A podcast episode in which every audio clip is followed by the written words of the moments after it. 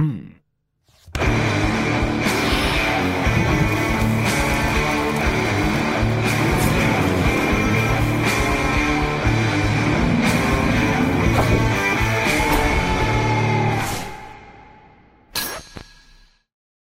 Zdravo svima, dobrodošli u još jedan Agilast podcast. Veliko mi je zadovoljstvo da vam predstavim današnju epizodu, ali pre nego što pređemo na nju, samo da odradimo ovaj servisni deo na početku. Pre svega želimo da pozdravimo naše partnere iz Volta. A, ovoga puta je Volt promenio nešto malo način poslovanja kada su krediti u pitanju. Dakle, u svakom slučaju vi napravite profil, iskoristite promotivni kod sa imenom našeg podcasta Agilast i ovoga puta dobijate 600 dinara a, kredita sa time da se on raspoređuje tri puta po 200 dinara, ali to nije nešto što treba pretrano da vas zamara. Dakle, naprav, iskoristite promo kod AGELAST i dobijate a, dakle kredite prilikom prve poručbine koje možete koristiti i kasnije. Ovaj želimo takođe se zahvalimo našim partnerima iz Red Bulla. Hvala vam puno na podršci koju nam pružate sve ovo vreme i naravno kao i uvek da se zahvalimo našim dragim a, Patreonima, odnosno pretplatnicima na našem sajtu Patreon. Ako želite da nas podržite na taj način mesečnim pretplatama, to možete da uradite preko linkova koji su u opisu podcasta i ukoliko želite da nas podržite jednokratnim donacijama, to možete da uradite preko a, linka koji se takođe nalazi u opisu podcasta preko Paypala. To bi bilo to za sada, a sada da predstavim svog gosta danas. Selimo se u Zagreb ponovo, pozdrav za svu ekipu iz Hrvatske, znam i da nas tamo puno slušate ovaj, imamo sjajne statistike kada su u pitanju podcasti u Hrvatskoj, uvek smo u vrhu slušanosti. Ovaj, naš eh, današnji gost eh, je čovek koji se zove Filip Ivelja, ali verovatno ga malo ljudi poznaje tako, više ga znate pod pseudonimom. A, on je čovek koji je doslovno ikona a, eh, ne samo hrvatske, već i regionalne hip-hop scene, čovek koji ono, a, je održava plamen a, hip-hopa poslednjih 20-30 godina sigurno, a, organizator, DJ, producent, radijski voditelj, a, radijski vokal, to jest a, čovek koji je organizovao festivale, žurke koje je vodio od Akvariusa u Zagrebu na Jarunu, preko Akvariusa na Pagu, čovek koji je jedan od osnivača Fresh Island festivala, čovjek koji stoji iza toliko projekata da bi bilo potpuno besmisleno nabrajati ih, ali ćemo svakako o njima razgovarati sada, a svi ga vi sigurno znate kao e, Fet Filija. Fili, legendo, dobrodošao u podcast, kako si, brate? Ej, hvala ti, Galebe, pozdrav svima koji e, gledaju tvoj fantastičan podcast, evo, super, e, javljamo se iz Zagreba i veselim se razgovoru s tobom, inače sam fan E, inače, dugo smo prijatelji, a i fan sam tvog podcasta i u, uh, e, u zadnjih nekoliko tjedana sam se pripremao i gledajući e, intervjue sa, sa Edom i sa još nekim dragim ljudima koji su bili gore. Hvala ti puno, hvala ti puno. Ovaj, uh, ja sećam se našeg, um, kad smo se, mi smo se zapravo nešto upoznali, ja mislim u Beogradu ili nemam pojma gde smo se upoznali, ali smo prvi put zvanično baš ono zablejali jedno, jedno jedne godine zimske, jedne zimske noći u Zagrebu, neke 2006. 7. godine, čini mi se, baš smo u akvariju su blejeli, to već bilo je ono, dobro je bilo. Ja sam, ja sam završio ovaj, kod tebe na gajbi i povraćao WC šolju, ali i malo okolo, wow. bože moj. Mislim da je to možda čak i malo ranije, možda je čak 2004. 2005 ko zna, moguće da, da. jeste, da. stvarno ne, ne da, da, da. da se seti, sjećam, ko će da se seti svega sjećam toga. Sjećam se, došao si sa, sa DJ Premom Jeste, iz jeste, Beograda jeste, koji je gostovao na moje večeri Blackout u Aquariusu. Tako je, kako tako ne, je, tako je, tako ne. je. Tako je. E, ovaj, kakva je situacija sad u Zagrebu? Evo, danas kada snimamo, pošto uh, će se dosta kasnije emitovati ova epizoda, ali danas kada snimamo podcast, dešava, dešavaju se nekakve protesti, to jest prosvjedi tamo kod vas. Da, danas su bili prosvjedi i protesti ugostitelja uh, koji jednostavno žele da se vrate na posao, žele da otvore restorane i kafiće koji ovdje ne rade već od, čini mi se, početka 11. ili sredine 11. mjeseca. Od novembra mi nemamo restoran, mi nemamo kafić, nemamo bar da se družimo i koliko znam, a slabo pratim, brojke su, COVID brojke su dosta pale. Uh, i shodno tim a, ugostitelji smatraju da bi se trebali vratiti na posao da, da zadrže svoje lokale koji valjda i dalje imaju mesečnu rentu. Da.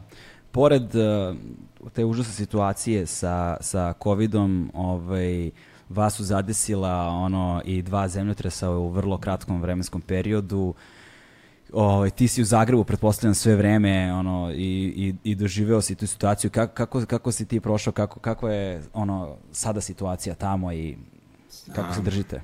Stari moj, to je, to je iskustvo koje je, je ono, life-changing experience bilo za mene.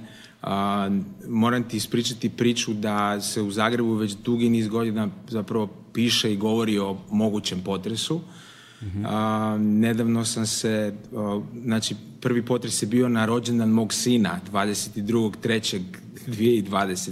A, znači tačno na, na jutro kada se, se Toma rodio, nas je probudio potres poprilično jak, a ja se uvijek, zezan, uvijek sam zvao Tomu, Toma, čudo od atoma.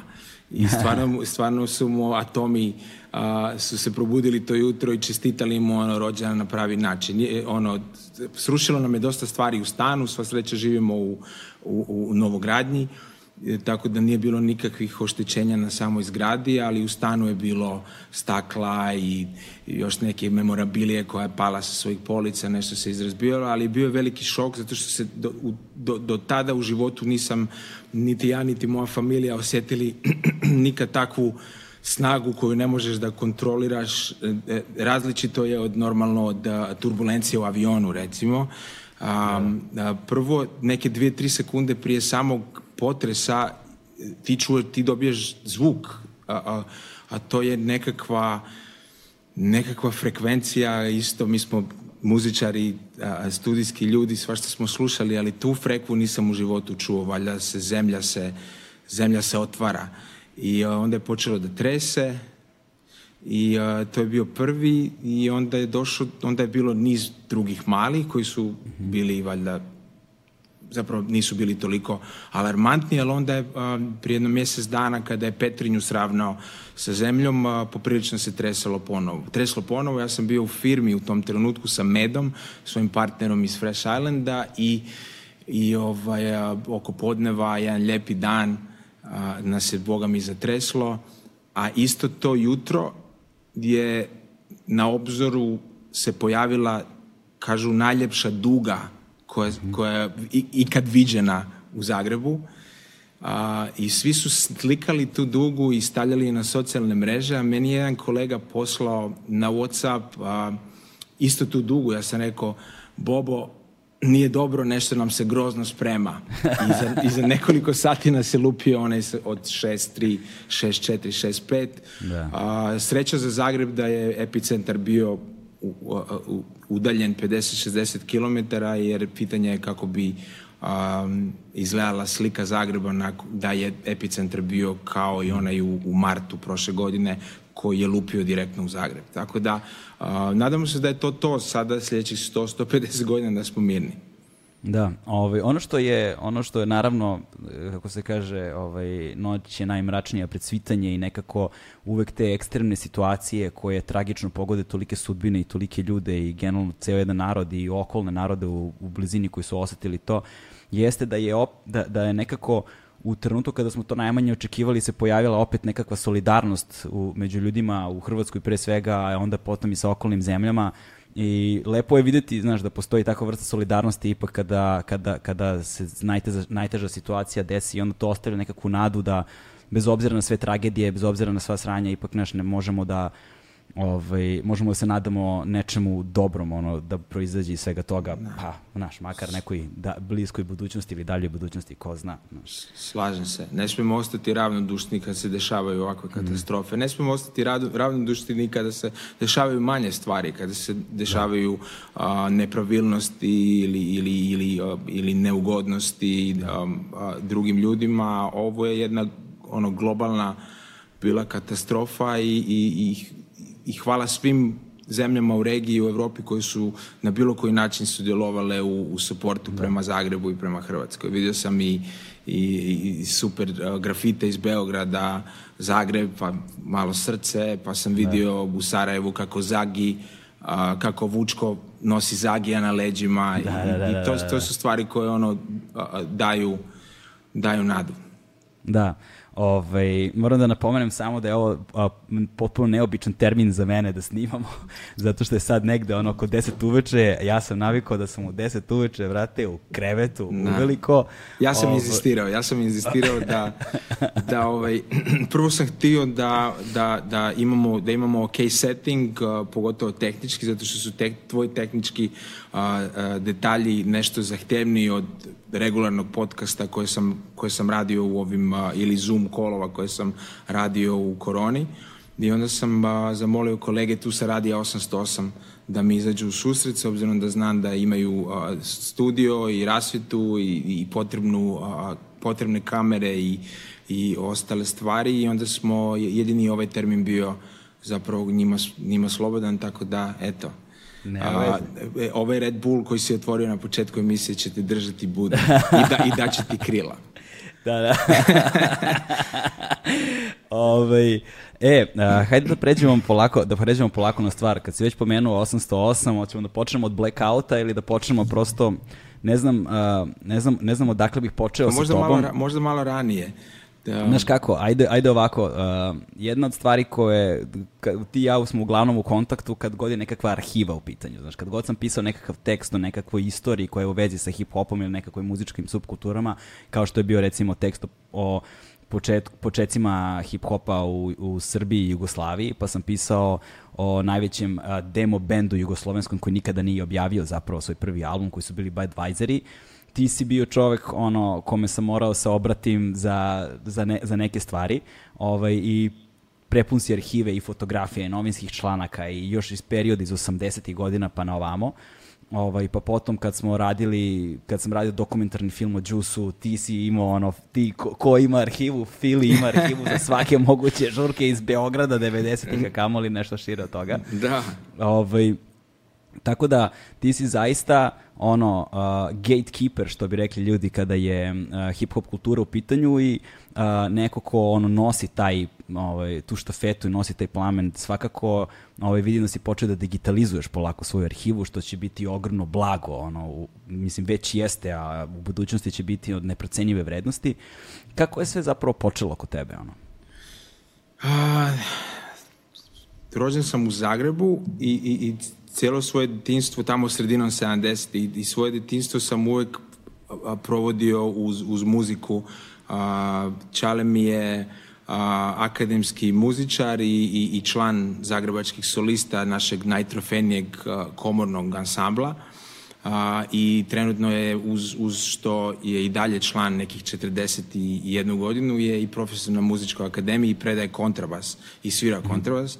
Tako da sam odrastali smo uz muziku i uh, nije to bila samo klasika, nego su to bili i, i, i, i, i artisti poput Jimi Hendrixa, James Browna, Sly and the Family Stone, naravno uz grupu Yes i Beatles ili Rolling Stones i grupu The Police i Jethro Tull, ali uh, paralelno se u, u, u našoj kući slušala i crna muzika, tako da mi je to vjerovatno na neki način bilo i, i neka dobra podloga za sam hip-hop koji sam prvi put čuo tamo uh, 1984. godine i to nećeš vjerovati u Svetozarevu u Jagodini ja sam uh, gde mi je, odakle mi je baka i mama mi je iz, iz, iz Jagodine A, nekad se, se Jagodina zvala Svetozarevo da, da, i, i, za one koji i, ne znaju a? Kažem za one koji ne znaju. Da, da, da, nastavi, da, da. nastavi, da. I o, tamo sam svako ljeto odlazio jer mi je bila baka, bila mi je tetka, teča, bratići, sestrične. I uh, leto 84. odlazimo iza škole, kraj šestog mjeseca, provodimo celi sedmi u Jagodini i, i osmi smo na Lastovu, uh, na otoku u, na Jadranu. I a, to ljeto je, izašli su breakdance filmovi, znači Breaking 1 i 2 su, oba filma su izašli iste godine, 84. i bili su distribuirani od, od naših a, kinematografa, tako da smo 84 u, u, u leto uh, gledali ono najlegendarnije rap breakdance filmove i, i, i to ljeto moj brat stari iz Jagodine Viktor koji je trenutno u, u Americi i isto se bavi muzikom, on je profesor uh, violončela i ima svoj festival u, u, u Utah u Americi, on je to ljeto ulovio taj neki hip hop breakdance bug i, i tih mjesec dana koliko sam ja bio u Jagodini, ja sam ono, se se totalno zakačio za, za rep i vratio sam se u Zagreb u, se, zapravo krajem augusta da krene nova školska godina. Ja sam tada išao možda treći razred osnovne i, uh, um, upal, i zamolio sam starog da mi kupi uh, kazetofon Mm -hmm. neki ghetto blaster, neki dek da imam da, da slušam radio, da slušam kazete. Jer sam u Jagodini već tog ljeta a, čuo neke tejpove i dobio od Viktora neke kazete na kojima su bili Afrika Bambata i a, Curtis Blow i Grandmaster Flash and the Furious Five i negde a, ako me sjećanje ne vara, to je bilo prije nekih 35 godina um, čuo sam na Radiju 101 u Zagrebu emisiju koja je, mi je promijenila život. Ona se zvala Electrofunk premijera i a, vodio je na Radiju 101 Slavin Balen, koji je na neki način godfather zagrebačkog i, i, i, i recimo zagrebačkog hip-hopa. I onda sam se ja zakačio za tu emisiju 84. koja je išla petkom pa ponedjeljkom i sve do 92. bio najveći mogući fan i snimao svaki tjedan i preslušavao te tejpove a, i 92. sam se a, javio Slavinu jednim pismom i, a, i on me pozvao u goste i, i, i tu onda kreće neka moja profesionalna priča vezana za hip-hop ovaj, jedna mala ono, side note, jedan, uh, tvoj čale je zapravo um, zapravo ti si se družio u Zagrebu sa Stefanom Milenkovićem, našim violinistom. je tako nešto, a? Ne, neka, neka veza preko tvog čaleta, šta je to bilo? Da, Stefan je kao, kao wunderkind violinistički u to vrijeme, znači početak 80-ih, sredina 80-ih. Stefan E, blisko surađuje sa zagrebačkim solistima u kojima moj tata svira i Stefanov tata koji je organizirao sve te stvari i uh, on, oni često idu na turneje zajedno po, po bivšoj Jugoslaviji, ali mislim da su putov, da su svirali i u Italiji i na još nekim mjestima i kako smo mi bili klinci otprilike slično godište koji Stefan, Onda smo se puno družili, a, jer Stefan je bio violinist na Bini i profesionalac i, i, i, i wunderkind, ali onda s Bina je bio sasvim običan klinac i, i da, da, onda, onda je volio da se druži s nama. Tako da smo i, sećam se, druženja u Zagrebu, u Beogradu, kasnih večera sa našim roditeljima, mi smo za nekim posebnim stolom udaramo da, da, bifteke s jajima i, i senfom, ono luda vremena, ali ja sam isto dugi niz godina isto side note svirao violinu. tako da sam sve do 90 i početak 96. sam svirao violinu. Ja sam upisao, završio sam srednju violi, muzičku mhm. i upisao sam prvu godinu akademije i negde pred kraj prve godine sam odustao od, skroz od violine i, i, i ono maksimalno se posvetio hip hopu, odselio sam se u London 96.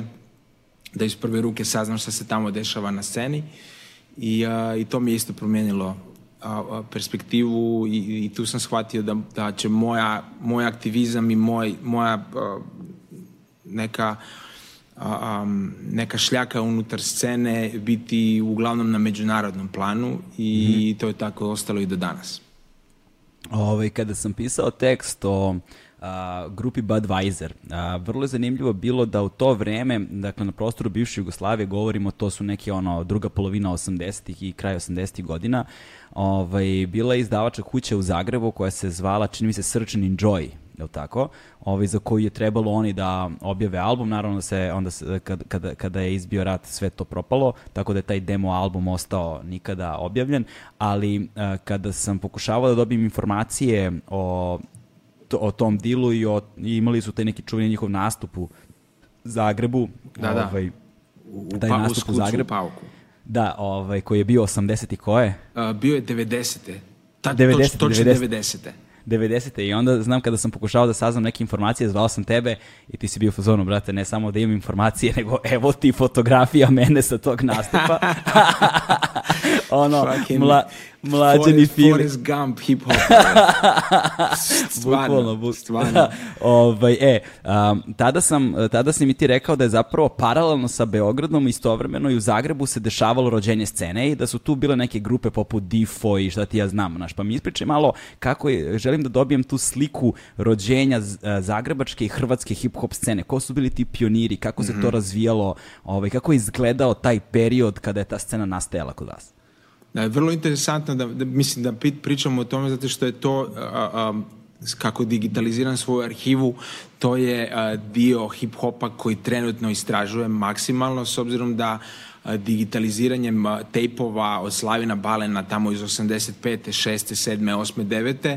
I, i, i sva sreća da puno tih tejpova da sam ostavio njegov, njegov glas dobijam puno informacija o tome šta se dešavalo i ko su bili ti ljudi koji su u to doba zajedno sa mnom slušali tu emisiju, a s obzirom da su bili vjerojatno malo stariji, su na neki način i već počeli da proizvode nekakve demo snimke. Tako da uh, sve počinje od Slavina, Balena, uh, lika radijskog DJ-a sa tada nove radio stanice u Zagrebu koja je startala 84. Zvala se Omladinski radio 101 na 101 FM, na 101 MHz i na kraju je prestao biti omladinski i ostaje samo Radio 101, to je radio stanica koja dan danas je u eteru, u zagrebačkom eteru.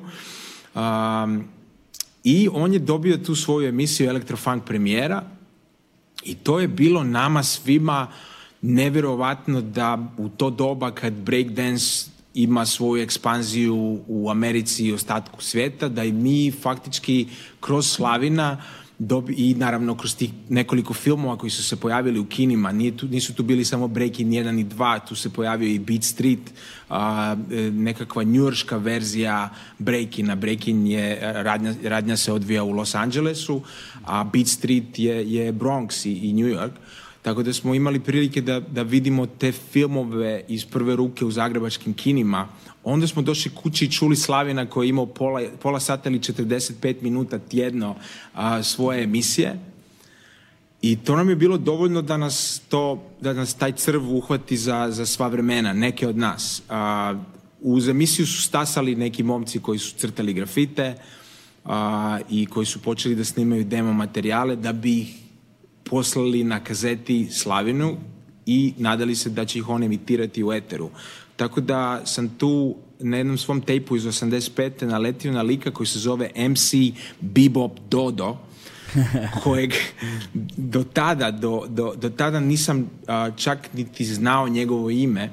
Međutim, kad, kada sam ga snimio 85 moj engleski nije on je rep, oni su svi repali na engleskom u to vreme. Znači, ni, hrvatski dolazi tek negde, a, a, bilo je MC-a koji su repali na hrvatskom i kroz 80-te, ali na neka veća vrata dolazi tamo početkom 90-ih sa pojavom a, a, naše generacije, Blackout generacije.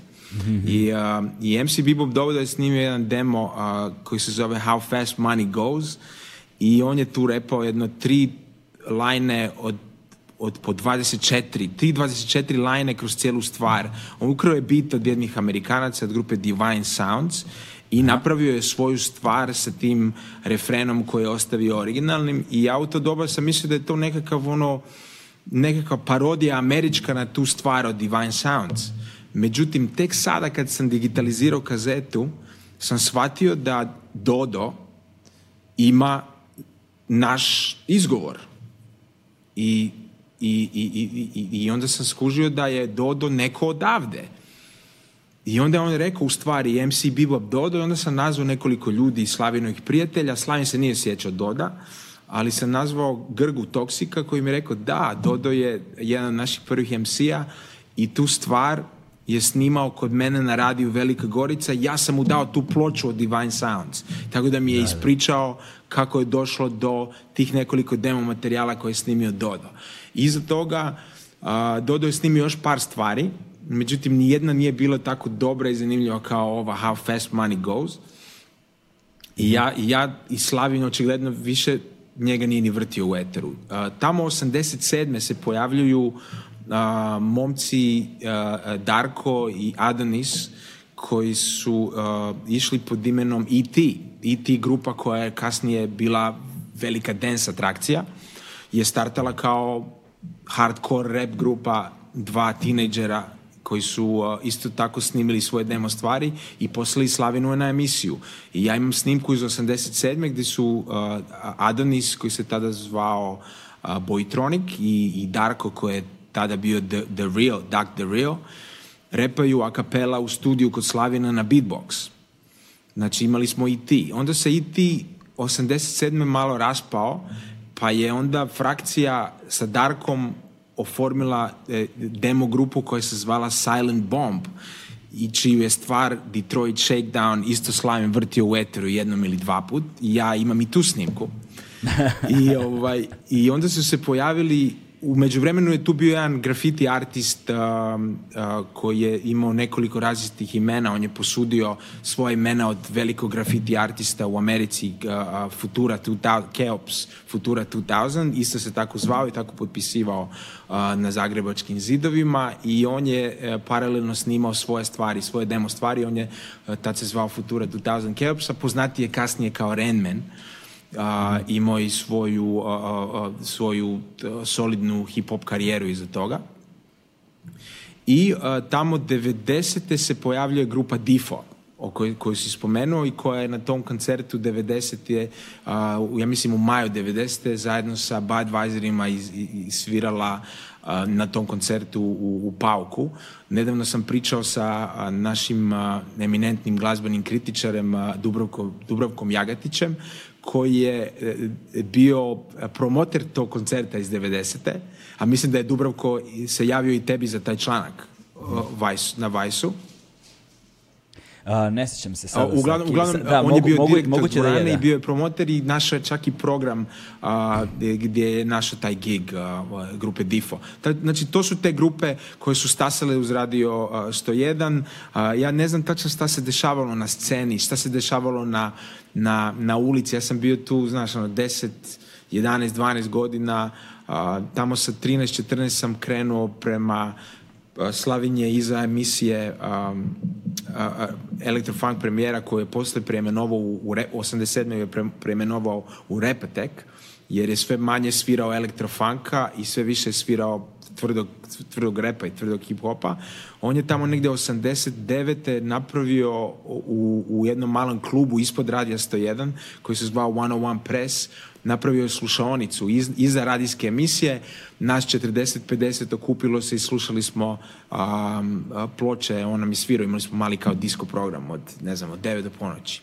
I tamo da. sam po prvi put upoznao neke ljude uh, kao što su Difo, pa sam tamo upoznao i Baby Duxa um, iz Bolesne braće, pa su se tamo pojavili i DJ Fresh J, naš DMC šampion tamo iz početka 90-ih. Uh, Furious, Go Cut, Vumah, ma, ono, ja sam bio klinac i gledao sam ih ko bogove i uh, mislim da je, da je Zagreb ono baš bila jedna, bila jedna plodna i kvalitetna podloga za razvitak rap scene i to je ta naša prva generacija 80-ih.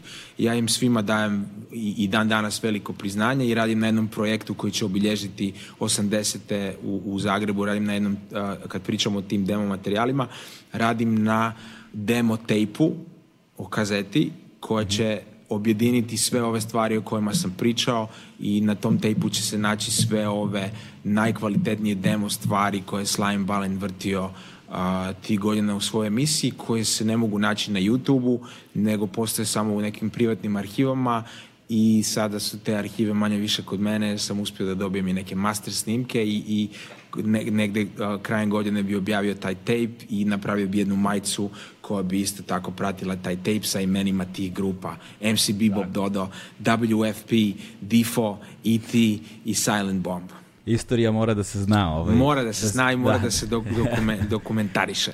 Da, i, to, i super je taj trenutak bio zapravo zato što se tada uh, um, zato što se tada pioniri beogradske underground scene i pioniri zagrebačke underground scene zapravo prvi put sreli na tom zajedničkom koncertu. Čini mi se da je to bilo čini mi se da je to bio prvi put i da je negde hip hop u Jugoslaviji u stvari tada rođen. Ovaj kao kultur kao kulturni pokret. O, ali ono što mi je zanimljivo jeste takođe da si ti ovaj, slušajući taj, taj radio, posle i bio gost na tom radiju, tamo negde početkom 92. čini mi se, a onda 93. godine si ti dobio svoju emisiju. Dakle, nasledio si a, taj talas, ono, repoteka Slavena Balena. Da, ja sam, uh, ja sam 91. Uh, nakon završetka, 90. 90. sam upisao srednju školu mm. i 91 smo dobili informaciju, znači to je znači ono znači šesti mjesec, peti šesti mjesec 91. Ja, uh, moja škola vodi uh, klint, srednjoškolce iz Zagreba u New York na usavršavanje engleskog jezika.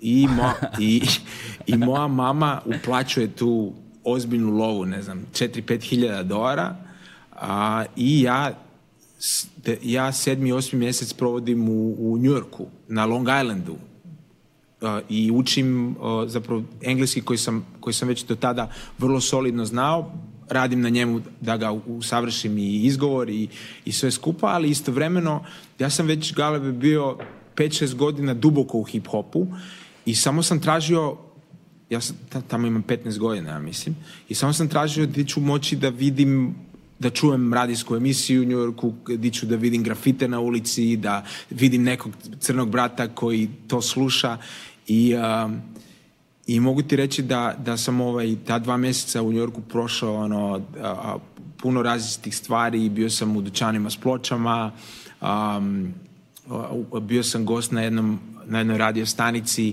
uh, jednog koleđa na Long Islandu koji se zove Stony Brook University, gdje su momci imali svoju radijsku rep emisiju ono, od 2 do 5 ujutro nekim danom u, sred tjedna I, a, i, i tu sam dobio još ono dodatni boost i kupio sam puno ploča i diskova i neke cool majice i, i vratio sam se tu a, te godine u, u Zagreb, tu taman počinje i, i rat u, u, u Hrvatskoj i, a, i od, oko Božića 91. Slavinu pišem pismo i, a, Pismo kao i govorimo ono. o, o nekom svom a, hip hop putu od, od, od 84. kad sam ga prvi put čuo na radiju pa 89. 90. kad sam došao u njegov klub i a, on me zove u goste i ja tamo negde u, u februaru 92. gostujem u istoj toj emisiji koje, koje sam slušao dugi niz godina i a, suradnik te emisije, Slavinova desna ruka, bio je a, moj budući partner i poslovni,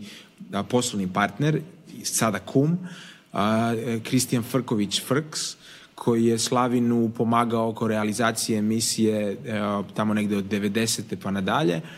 I ja se tu počinjem muvati oko iste te radijske emisije, e, odlazim jednom mesečno u Minhen, kupujem ploče, dolazim, predstavljam te ploče Slavinu, on ih vrti u eteru, ja onda sve više više gostujem u tom eteru kao gost. I uh, 93. Frks i ja dobijamo svoju emisiju. Radio 101 otvara a, drugi svoj kanal u Zagrebu i to je svojevrsni mlađi brat Radio 101, uh, zvao se Radio 1. I Frks uspjeva dobiti emisiju, rep emisiju jednom tjedno i naziva je Blackout. On je došao, on je zapravo nazvao emisiju Blackout, ona je startala 18.11.93. i mene zove da zajedno počnemo tu emisiju i, i tu kreće neka moja, a, tako reći, a, profesionalna a, karijera u, u, u hip-hopu 18.11. I, i evo traje evo sve do danas i 2023. Frks i ja slavimo svoj 30. rođendan. A, zapravo zanimljivo je, doći ćemo do toga kasnije, imamo, imamo vremena ovaj, da donosio si ploče iz Mihena, našu Njurku kada si bio prvi put si ono jurio unokolo, a ispostavit će se da je za ka, kasnije u tvom životu ono, i ta Nemačka i ta New ono, ostale su ključne destinacije i za brojne poslovne saradnje um, ovaj, ono, od, od DJ Tomeka do ne znam koga, ako se ljudi sećaju, znaš, više nemam pojma ni ko se seća svih tih ljudi koji su bili ono ogromni tamo početkom 2000-ih. Um, Zanimljivo, mislim da, na, na, da sam na YouTube-u nekim ono obskurnim uh, delovima YouTube-a zapravo uspio da nađem neke snimke baš od tog nastupa gde su Difo bili, ovaj, da ima nekih njihovih tih s kraja 80-ih nešto uh, moguće ovaj ili sad. Ima cijeli dobro. gig, ima njihov cijeli koncert snimljen u, u, u um, na iste večeri kad su tamo bili dva dvajzer. Vrlo je da. loša snimka, snimana je na nekom starom VHS-u, ali snimka je na YouTube-u, vidi se cijela snimka i mislim da je snimana Bine, neki od njegovih, njihovih da. prijatelja da, su to, to. Da. snimali. ovaj e sad, zanimljivo je takođe um, uh, kod nas je kod, na, kod nas je da kažemo ta rap kultura, ono, ako sada stavimo Budweisere po strani, uh, eh, i bili su i pre Budweisera negde, neke te rane grupe, ono Dudua, ne znam i tako, naš, ali je fora, i bila je čak i neka makedonska grupa, kako su se beše zvali, da li Supernova ili nešto, koji su imali to, uh, repovali su u suštini, čuo si neke ljude koji recituju zapravo preko, preko nekakvog ritma, ali se to nije moglo smatrati nekakvom hip-hop kulturom zato što nije bilo to klasičnog reprezenta, nije bilo, ovaj, nije, nije bilo tih elemenata koji su sačinjavali hip-hop, ovaj, dok se nisu pojavili Budweiseri. Oni su prvi nosili negde taj duh i posjećali su strašno na Beastie Boyse, ali prvi zvanično objavljeni albumi koji su definisali hip-hop kod nas su bili ono Groove prvi album, pa je tu bio Sunshineov prvi album naravno, pojavljivali su te neki pa potom, potom kasnije su bili to ono od, od, od Robina Hooda pa nadalje, ali to je već došlo kasnije ali mislim da je zapravo prvi rap album, da kažemo rap album s tim reprezentom i sve, ovaj, isto potekao od dance grupe, da su to kod nas bili posle poznati kao Tap 011, a pre toga poznati kao Tapiri, da je to bilo neka, ja mislim, 93. godina, nisam baš siguran, neko će, neko će to bolje potvrditi posle, vjerojatno, u komentarima, naš. Ali, ovaj, ali, a, ali što se na, ali za, za nas ovde a, hrvatska hip hop scena je zapravo počela sa Trem Elevenom, znaš, sa, i ono njihova pojava je ono nešto kasnije naravno to je kod nas sve dolazilo sa debelim zakašnjenjem ovaj odjehnulo kao furija znaš ali ti si zapravo bio deo cele te scene ono i nastanka trema treme levena i, i cele te zagrebačke scene koja je ono zaista na, i posle ne stoka naravno koja je napravila ceo taj ono celo to ludilo Znaš šta, mora, mora da postoji nekakav, a, a, nekakav time period da. a, za stvari da, da nekako se dobro skuvaju i da onda eksplodiraju. A, a, normalno da a, je Slavin odradio a, stasanje odradio 80. ekipa 90-ih je stasala uz njega i tamo postojale su grupe koje su ovde snimale, izdale albume. Ugly Leaders imaju dva albuma iz 90 Eh, iz 90. i 92. ili 3. Um, TJ Pimp iz Rijeke, to je njegova ekipa. Ali da, ono što si rekao je, ovo je Trem Eleven, uh, Bolesna braća, uh, Elemental, Neredi Stoka, El Bahati, Edo Majka, to je ekipa koja je onda stasala uz Blackout. To je ona sljedeća generacija 90-ih i on, nji, kao što je nama bio Balen 80-ih, mi smo njima bili 90-ih. Oni su snimali svoje demo materijale da bi, da bi se mogli zavrtiti na, na Radio 101 kod nas u, na Radio 1, pa posle na Radio 101 kod nas u emisiji.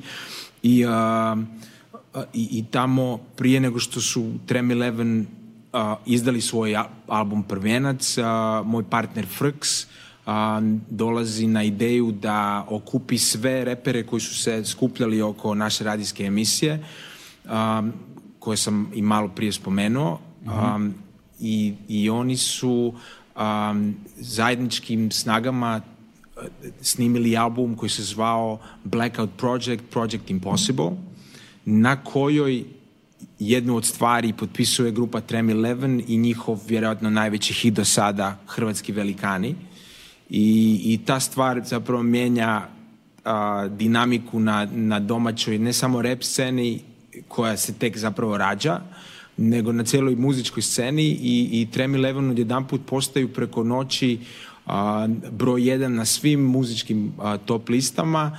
A, snima se spot za istu stvar i, i, i, ta stvar ono postaje do dan danas klasik hrvatskog, uh, da. hrvatske glazbene scene. A, sjećam se da 90, to je znači izašlo tamo negde 97.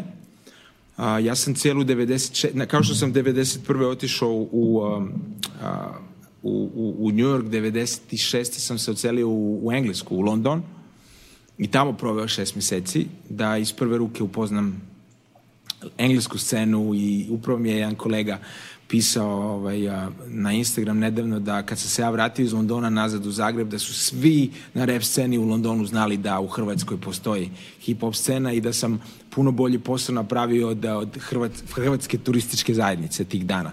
A, i, a, I vraćam se u Zagreb Frks je do tada već uh, na neki način snimio, uh, snimio album, ja sam uletio na nekoliko stvari, ja sam u toj fazi nešto kao i pokušavao još da repam na engleskom. Uh, i, i, ovaj, i izlaze ti hrvatski velikani, iz toga kreću svirke, ja postajem i DJ grupe Trem 11, uh, krećemo na, od 98. odlazimo i na Porin, uh, gdje u rock kategoriji uh, dodeljujemo a, nagradu, mi smo dodeljivali, na, bili smo prezenteri nagrade i dali smo Baretu i majkama i, i ta snimka je nedavno izletila negde na, na net. Samo, sa, samo sekund, pošto ovaj, ja znam šta je Porin, ono, kao, kao, nego samo ne znam koliko ljudi ovde u Srbiji znaju šta je Porin, pa kao samo daj kontekst svega toga, pa, znaš. Kao. ne, ne znam koje su, recimo, koje šta bi bila Šta je bio ekvivalent? Šta bi ekvivalent u Srbiji, ali to su kao glavne muzičke nagrade godišnje a, po izboru a, domaće muzičke industrije i to je Forin je ono kao naša najveća a, komercijalna nagrada. Naravno da, da. postoje tu i, i, i manje nagrade, i, i ja sam dobio jednu za, za životno delo a, od, od jednog websajta Hip Hop Unity, ali a, Porin za nas 98 da dolazimo na hrvatsku televiziju i da, i da dodeljujemo nagradu u, u rock kategoriji koja je bila jedna od najposjećenijih, najgledanijih, je bila velika stvar za nas i, uh, i iza toga Tremi Leven automatski dobijaju svoj prvi ugovor – i tu pokrećemo, ja pokrećem svoju kao malu etiketu koja se zvala Blackout Entertainment. Sve je bilo uvek pod imenom Blackout. Blackout rap show na radiju, Blackout lounge party u Aquariusu, Blackout Entertainment izdavaštvo i, i danas je blackouthip-hop.com website i, i blog zapravo svakodnevni koji um, um prenosi najbitnije i najzanimljivije informacije iz hip-hop sveta a, uh, dnevno. A, uh, Trem Eleven potpisuju za Menard, izdavačku kuću ovdje, izdaju svoj a, uh, album Prvijenac um, um Čovječe ne ljuti se, na, odlazi u rekordnim brojkama, da kreću snimanje drugog albuma, na, na, na uspjehu čoveče ne ljuti se, bolesna braća snimaju svoj, svoju prvu stvar Čiča Mića, koju stavljam na CD single promo za radio stanice kao B strana a, singla pad sistema od Trem 11 i, i onda saznajemo da radio stanice su se uhvatile za Čičamišu, Čičamiću više nego za pad sistema i automatski imamo sljedeću grupu koja, izla, koja izlazi iz, iz, naše, iz naše radionice i onda Bizu i Dux snimaju svoja, svoj prvi album i, i dobijaju porina za i, i, i hip-hop scena postaje toliko jaka tih krajem 90-ih da Porin odlučuje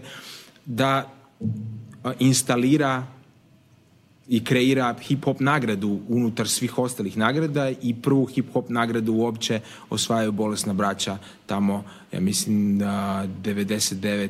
ili, ili ja mislim, 2000. ili 2001. Čovječe, kako je neverovatno da govorimo o stvarima koje su se dešavale pre više od 20 godina, znaš, mm, nekako da. kao da je, a nekako kao, a nekako kao da je bilo juče.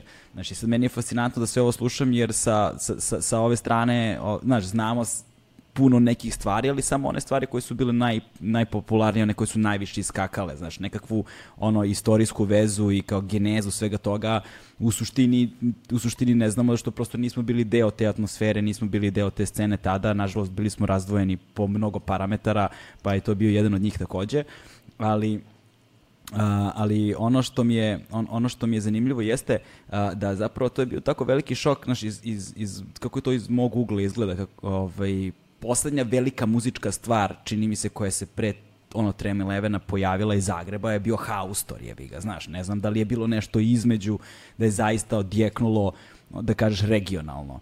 Ovaj, i nekako... Bio je Dino Dvornik, ali on je, on je bio iz Splita. Ali on je Splita, znaš, i sad, e sad tu postoji fenomen splitske scene generalno kao jednog ono jed, jed, jednog džepa kulture, posebno muzičke, kada govorimo o Hrvatskoj, iz koje izvire pregršt. Ton, tona toga tona toga, ono, šta je to sa Splitom, zbog čega je Split toliko, ono, mm. kreativan, produktivan, eksplozivan, da, da takvi izvođači izlaze i pritom ne samo da su dobri, nego su i originalni, znači njihov stil je prosto zvučao drugačije od svega što je bilo trendovski tada. Znaš, i TBF kada su se pojavili, dječaci kada su se pojavili, to je bilo ono, to je bilo potpuno novo, znaš. To je i muzički i, i, i ono, tekstualno i na mnogim drugim nivoima bila nova stvar koja je ono, na neki način bila i revolucionarna. Sla, slažem se. Um, nešto, nešto je u tom splitu a, a ludo i, i, i, i kreativno i, i, i, i puno drugačije od onog što Zagreb kao kontinentalni grad nudi. Um, istovremeno se osim kineskog zida i, i Dine Dvornika koje smo spomenuli, bilo je da. tu masa i šlagera koji su dolazili iz Splita koji se nama nisu niti dopadali, ali su imali svoju, svoju publiku i u Jugoslaviji, a i posle u Hrvatskoj. Um, istovremeno sa izdavanjem prvog albuma Trem 11 TBF izdaju svoj a, prvenac, a, Ping Pong, umjetnost zdravog, zdravog džira i, a, um, i to je nešto što mi sa zadovoljstvom prihvaćamo u emisiji Blackout i, i, i sviramo a, paralelno sa našim stvarima. A moram reći da je hip-hop kao, kao pokret u Hrvatskoj i u regiji je bio jedan od prvih koji se povezao među zaračenim republikama i, i ja sam već 99.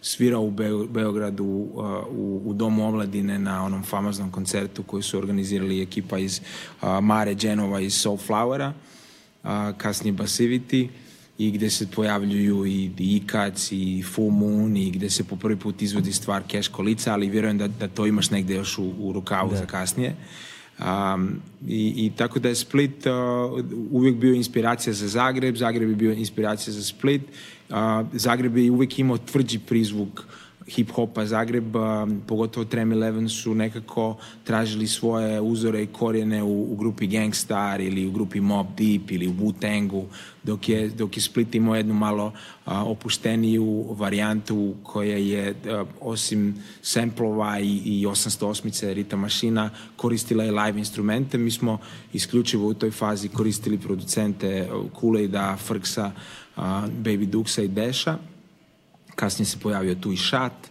i, koji je osnivač grupe Elemental zajedno sa Remi. I, i, i tako ide to paralelno i, i to je ono, kad, kad je krenulo, onda je, onda je dugo trajalo i, i traje do dan danas. Da, e sad zanimljivo je, znaš, kad god se pojave tako a, e, kulturna žarišta, a, svi ti ljudi koji slušaju neki radio ili gledaju nešto na TV-u što je došlo verovatno i kasnije, uh, ovaj, koji su nabavili nekakvu muziku, neophodno im je bilo, što je danas malo abstraktan pojam, zato što imamo društvene mreže, imamo internet, imamo sve, ovaj, neophodno je ljudima bilo nekako zborno mesto, bilo je stecište, znaš, gde će oni da se okupljaju, gde, gde će da slušaju zajedno sve to i da dele, da dele ta iskustva. Kod nas je recimo bilo sad, ja mogu da pričam za Beograd, pošto sam iz Beograda, ono, bilo je okupljanje na trgu Republike, tu nije, bil, nije bitno ko si, nije bitno odakle si, a, nije bitno odakle, znaš, znalo se da, ne znam, ono, petkom uveče se okupljaju, ne znam, reperi na trgu i onda smo od različitih delova grada dolazili i tu su se razmenjivale iskustva, ali su žurke bile užasno važne. To su bila mesta gde ono dođeš da upoznaš ljude, da ono razmeniš mrežu kontakata, da vidiš šta je trenutno moda, šta je i da čuješ šta je novo od muzike. Znaš, bilo je dosta teško doći zapravo do svih tih informacija pre interneta posebno u socioekonomskim faktorima u kojima smo mi živjeli u to vreme. I, ovaj, I onda su postojala ta kultna mesta gde smo se okupili, gde su se pravile žurke. A, koje su to bila, koje, šta je bio pandan tome u Zagrebu tada? Isto trg. Trg, da. trg Republike, trg Bana Jelačića. Da. Je, je bilo okupljanje mlađe generacije repera. Ja, ja nisam nikad izlazio na trg, jer mi smo već 93 postali preko noći radijske zvezde i emisija Blackout je preko noći postala jedna od najslušanijih radijskih emisija na, na, na Radiju 1 i, uh, i onda, se, onda smo imali nek, onda su naša okupljanja uh, bila na, na, radiju, na radiju 101. Tamo smo se okupljali, tamo smo imali studio, tamo smo imali fonoteku, imali smo prostoriju za henganje, za duvanje, za cugu. Uh, A, a, plesalo se u oktagonu, to je jedan prolaz koji povezuje Ilicu i Cvjetni trg, a, i tu su, brek, tu su se brekeli i okupljali i malo kasnije i, i plesali, a na trgu su se okupljali mladi reperi, tamo su se bacali beatbox, prvi freestyleovi, to će vjerojatno znati Target i generacija koja je došla iza nas. Tako da su to bila okupljališta mlađe generacije, mi smo bili na radiju, pripremali smo emisiju i um, i paralelno ono što si spomenuo, naravno da, da, da prva glavna okupljališta su i nama bile, gde su se apsolutno svi sa scene po prvi put videli,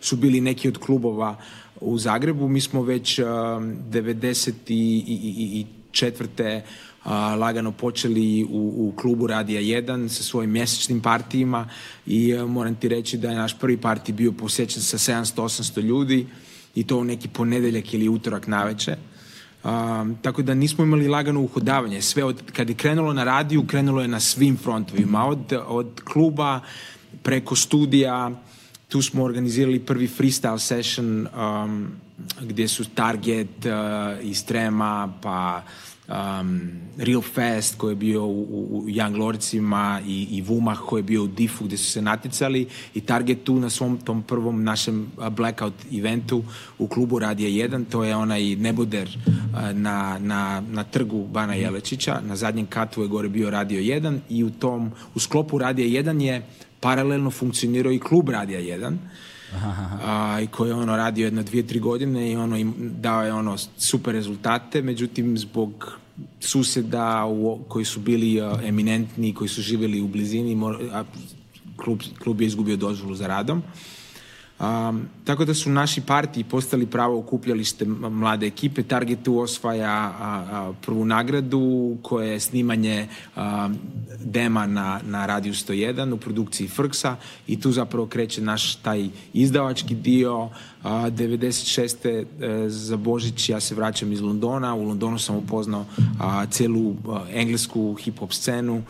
Uh, bio sam gost na njihovim radio stanicama, javljao sam se svaki utorak iz Londona, iz, iz, iz ono, telefonske govornice sam se javljao u svoju emisiju i pričao o stvarima koje sam vidio tada u Londonu, gledao sam Fujise, vidio sam Naza, otišao sam na Notting Hill Carnival pa sam vidio Jay-Z-a, Kamana, Foxy Brown, EPMD, um, družio se sa, sa Afrikom Bambatom, nosio mu ploče kad je svirao u Ministry of Soundu.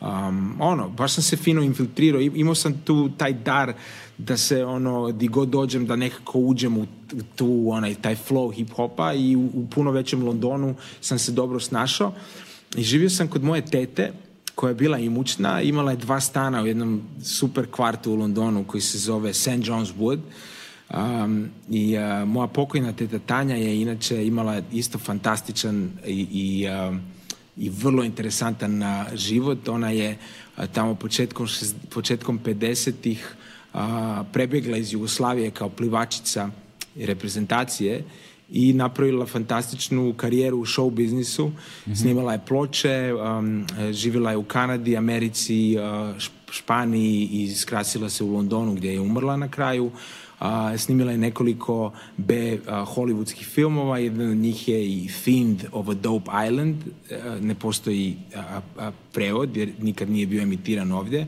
ali a, recimo Ovisnik sa ostrva droge, A, ona se pojavlja u tom filmu iz 63. godine i vid, možete vidjeti Foršpan, odnosno trailer na YouTube-u i najavljuje kao a, Presenting Yugoslavian Bombshell Tanja, Tanja Velja, ona je bila Ivelja, ali kad je došla u Ameriku onda je skratila malo Ivelja Uvelija, da se može a, lakše izgovoriti, da valja da, da da malo talijanski prizvuk. Um, um, imala je fantastičan život, ja sam 96. tih šest meseci živio s njom. Imao sam prilike iz prve ruke da čujem neke njene priče, a to su bile ozbiljne priče, kartanje sa Gregory Peckom, zaruke sa Anthony Quinnom, a, uh, išla je na probe Frank Sinatra, postoji priča da je Sinatra usred jedne a, uh, svoje generalne probe a, um, zaustavio cijeli bend i rekao im je a, um, ako nastavite ovako da svirate, vratit ću vas sve u Jugoslaviju. Samo, samo, samo da bi se dodvorio Tanji koja je bila i, i Playboy zečica, radila je i za Penthouse magazin, za Larry Flinta. Um, a, uh, poslije je um, um, te karijere u, u, u Americi je otišla u Španjolsku, bila je uh, televizijska voditeljica, snimala je one singlice, male na pločama, onda se vratila u Hrvatsku, zapravo u Jugoslaviju, pa je snimila stvari sa, surađivala je sa Ivom Robićem, snimila je nekoliko uh, maxi single ovdje za Jugoton i, uh, i Tanja je neko kom je dok sam bio u Londonu i dok sam šljakao sve poslove. Ja sam morao, da bi bio šest meseci u Londonu, iako sam bio kod imućne tete, ona je sestra moga pokojnog djeda, Aha. A morao sam da radim. Ujutro sam služio doručke u hotelu nekom u Londonu, onda bi a, u, u a, pop, onda bi došao kući oko 12.1, odmorio 2-3 sata i onda sam na Shepherd's Bushu u jednom liquor storu u dućanu sa pićima i sa grickalicama punio frižidere i, uh, i pazio da ekipa ne krade uh, pića iz, iz, iz, iz frižidera. Gazde su mi bili iz Ugande, uh, dva, dva rođaka koji su uh, pomogli Idi Aminu da svrgne tadašnju vlast Uj, i onda kad su mu pomogli on je htio i njih da, da smakne i oni su pobjegli u Englesku i onda kad su čuli da dolazim iz Jugoslavije, odnosno iz Hrvatske i da uh, oni su normalno znali ko je drug Tito, odmah su mi dali posao i, i bilo mi je jako drago da sam ja tamo kod njih u, u radnici. Tamo sam radio jedno vrijeme, onda sam za jednog čeka Mišu iz Sarajeva raznosio novine po Londonu, tako da sam tih šest mjeseci šljakao da imam neki, neku kintu, a onda bi me i za šest, sedam skupio uh, prijatelj Dapo koji je bio Zulu, Zulu King, Uh, uh, engleski. Zulu je naša, Zulu Nation je naša um, hip-hop organizacija koja je startala krajem 70-ih u Bronxu, čiji je ide, ideni začetnik Afrika Bambata.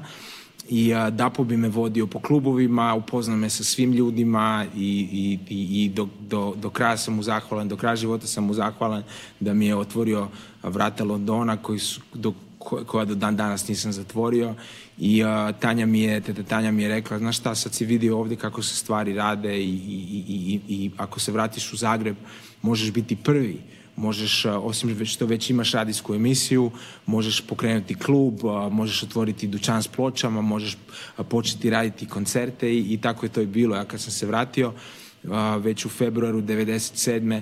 organiziramo svoju prvu veče sa engleskim DJ-em iz Londona, Cutmaster Swift, koji je bio DMC šampion tamo 89. u Londonu. DMC je najveće tadašnje naticanje DJ-a, svjetsko naticanje DJ-a koje se jednom godišnje održavalo u Londonu, a i mi smo 90. imali svog predstavnika 91. zapravo smo imali svog predstavnika Jugoslavije, to je bio Fresh J, prije toga DJ grupe E.T. I na YouTube-u ako pogledate imate njegovu snimku iz 91. A, koja je inače, inače njegov super set i, a, i vrlo interesantno da Tony Prince koji je vlasnik DMC-a najavljuje uh, Fresh Jaya iz Jugoslavije, to su ono valjda zadnji i uh, zajedničke Jugoslavije i, uh, i na kraju kaže da je ovo bio jedan stvarno super DJ set pogotovo za neko ko dolazi iz Jugoslavije. Mislim da je Juga bila prva istočnoevropska zemlja koja je uopće nastupala na jednom takvom prestižnom natjecanju. Da, da. I tako, Engleska, vraćam se malo nazad, malo idem napred. Uglavnom, 97. smo startali sa klubom Aquariusom i, i, i to je eksplodiralo i sve do 2007. sam ja imao rezidenciju u Aquariusu svaki petak. Brate, ovaj, pravi, pravi si Forrest Gump, je. baš je, baš je, ono, od Londona Znaš, kad, preko... Da. Kad, kad pričaš te stvari, ovaj, ono što mislim da je važno da naglasimo uh, u ovom razgovoru, posebno za, neku, za, za mlađu generaciju uh, koja ono, pripada tom sada mainstream kulturi, ko, poznatiju kao hip-hop, ovaj, je da duži niz godina, znaš, kad god smo mi pokušavali, pošto, kao ti znaš, naš ljudi uglavnom ne znaju, ja sam se trudio da, ono, organizovali smo hip-hop žurke početkom 2000-ih i R&B žurke i tako dalje. Ovaj, mi smo zapravo živjeli u izolaciji, znaš, dok si, ono, ti, i ono, ljudi iz Hrvatske su veliko imali, imali otvoren taj put sa, sa, sa, sa inostranstvom i bile, uvek, uvek ste bili okrenuti ka nemačkoj sceni prvenstveno, pa potom i dalje. Zanimljivo je kako je taj London bio zajednička e, kulturološka tačka i za Beograd i za Zagreb, samo što je ovde funkcionisao više po principu elektronske muzike, ovde je elektron, elektronika ovaj, duboko pustila korenje u Beogradu tadašnji, sa tadašnjim kultnim klubom Industrija 94. godine i tako dalje i da su ploče stizale i scena i, i, i šta ti ja znam, ali, ovaj, ali smo mi živjeli u jednom ekosistemu koji je bio prilično zatvoren, znaš, nismo imali ovaj, tu mogućnost koju, si, koju ste imali vi, posebno ti, ovaj, a onda kada smo tamo početkom 2000. godina pokušavali bilo što da radimo sa međunarodnom scenom, to je sve uglavnom išlo preko tebe. Veliki broj, znaš, ne, neću da kažem da je ekskluzivno išlo, nije išlo nije. ekskluzivno, ali veliki deo uh, barem ljudi koje ja znam i kontakata koje sam ja imao, sve je išlo preko Fetfilija, tako sam ja zapravo prvi put za tebe, ono, znaš, ko je ovaj dolazi, ko je onaj DJ koji dolazi, ko je ovaj kontakt koji ima, sve nešto preko Fetfilija, znaš. Ove, ovaj, nemačka scena je 2000. godina počela da buja baš i da, i da ono, dobija primat uh, i van granica Nemačke ovaj, i po tadašnjim televizijskim kanalima koji su bili. Jel te, Viva. Pop, da, Viva i MTV. francuski MCM, posle i francuski hip-hop počeo da buja i to MCM, je nešto, da. Su neki, da, to su bili se neki uticaji koje su mi dobijali ovde i paralelno sa time, uh, kada su se ovde organizovale žurke, Uh, kao neka zvezda vodilja su bili ono kao Aquarius, tu je kao to su top partiji i svaki put kada da, i vrlo često smo zapravo da bismo videli neke od tih kultnih likova morali da putujemo u Zagreb jer si ih ti tamo sve dovodio. I ti zapravo imaš spisak, ono neki, pričali smo preki dan, a, da. e, spisak e, tipa e, i međunarodnih koncerata i, koje si organizovao za sve ove godine. Znaš šta, ja mislim da je to, ja mislim da je taj, da, počeo sam da ga slažem i složio sam ga. Mislim da je to preko stotinjak izvođača američkih i engleskih i njemačkih i francuskih a, i, i taj, a, taj spisak imam i, i stavit ću ga, razmišljam da ga uskoro stavim na Facebook i na da. internet da. i na, i na blackouthip.com jer a, znaš šta, a, uvijek me interes... Ono, koordinirao sam ja stvari u Zagrebu i izdavanja. Frks je tu bio zadužen za izdavanja. A, dečki Kule i Deši i Duk su producirali. Ali mene je uvijek interesiralo na koji način da mi jednu Hrvatsku koja je tada upravo izašla iz rata um, i, i, i, i svi su znali o regiji i o nama isključivo kroz, kroz CNN i kroz pizdarije koje su se dešavale. Meni je bila, bio mi je ono imperativ da na neki način stavim Hrvatsku na međunarodnu hip-hop mapu i um, to je, to je startilo sa, sa tom 96. u Londonu, jer ova 91. u Njorku je, bio sam premladi, i nisam upoznao nikog sa baš sa, sa scene, ali 96. sam već imao 20-21 godinu, već sam bio nekoliko godina na radiju, tako da sam imao nek, jasnije šta i koga moram tražiti. A, da. a, još jedna bitna stvar u cijeloj priči je da Zagreb tamo 89. 90. A, starta nekakav testni a, a, TV kanal a, Z, Z3 koji je bio eksperimentna televizija i ona završava svoje emitiranje tamo oko 3 popodne i onda Z3 ladno pušta engleski MTV iza toga od 3 popodne do 6 ujutro. A, verovatno u butlegu, ono, ilegalno, da. ali koga briga za, za to vrijeme. Mi smo e, e imali MTV 89. 90. 88. čak i a, e, tada je na MTV-u startala jaka rap emisija Yo MTV Raps i uh, svi su ludo snimamo VHS trake, tako da sve te stvari su dovele do toga da Zagreb je, je kontinuirano od Slavina pa preko Yo MTV Repsa pa kasnije preko Blackouta su dobijali svoju a, uh, dozu hip-hopa i zašto je Zagreb zapravo i bio tako plodno područje i, i Hrvatska sama, samim tim a, uh, za, za, i ne znam, i prednjačila je u regiji. Um, 97. nakon što smo doveli tih par DJ-a, doveli do, za četvrtu obljetnicu Blackout emisije, ja dovodim prvog svog američkog repera. Uh, 94. pritom dolaze Public Enemy i Ice-T u Zagreb, koji su jedina ono rap grupa koja je za vreme rata došla i nastupila pred nekih 8-9 hiljada ljudi u Domu sportova i mi iz prve ruke sada vidimo Public Enemy, vidimo Flavor Flava, Terminator X-a, Chuck D-a, Security of the First World, Ice-T, Afrika, Islam, ovo ono, muvaju se oko nas u dvorani. Ludilo. HRT snima, posle gledamo te snimke na televiziji.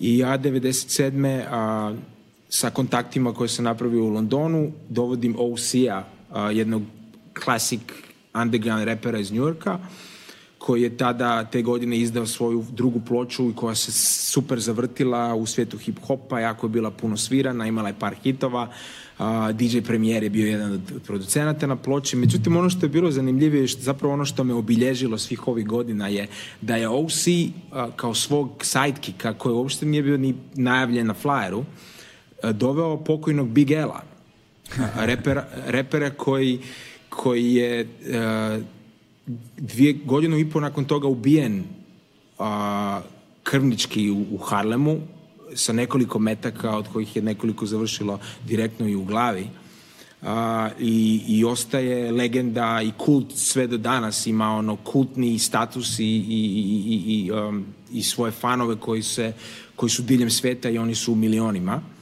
On je pa bila nova, na, on, Big L je bio nova nada njurška i, i pričalo se o tome da je trebao da potpiše za Jay-Z-a i za Rockefella. On dolazi u Zagreb i a, dečki u Zagrebu provode tri ili četiri dana.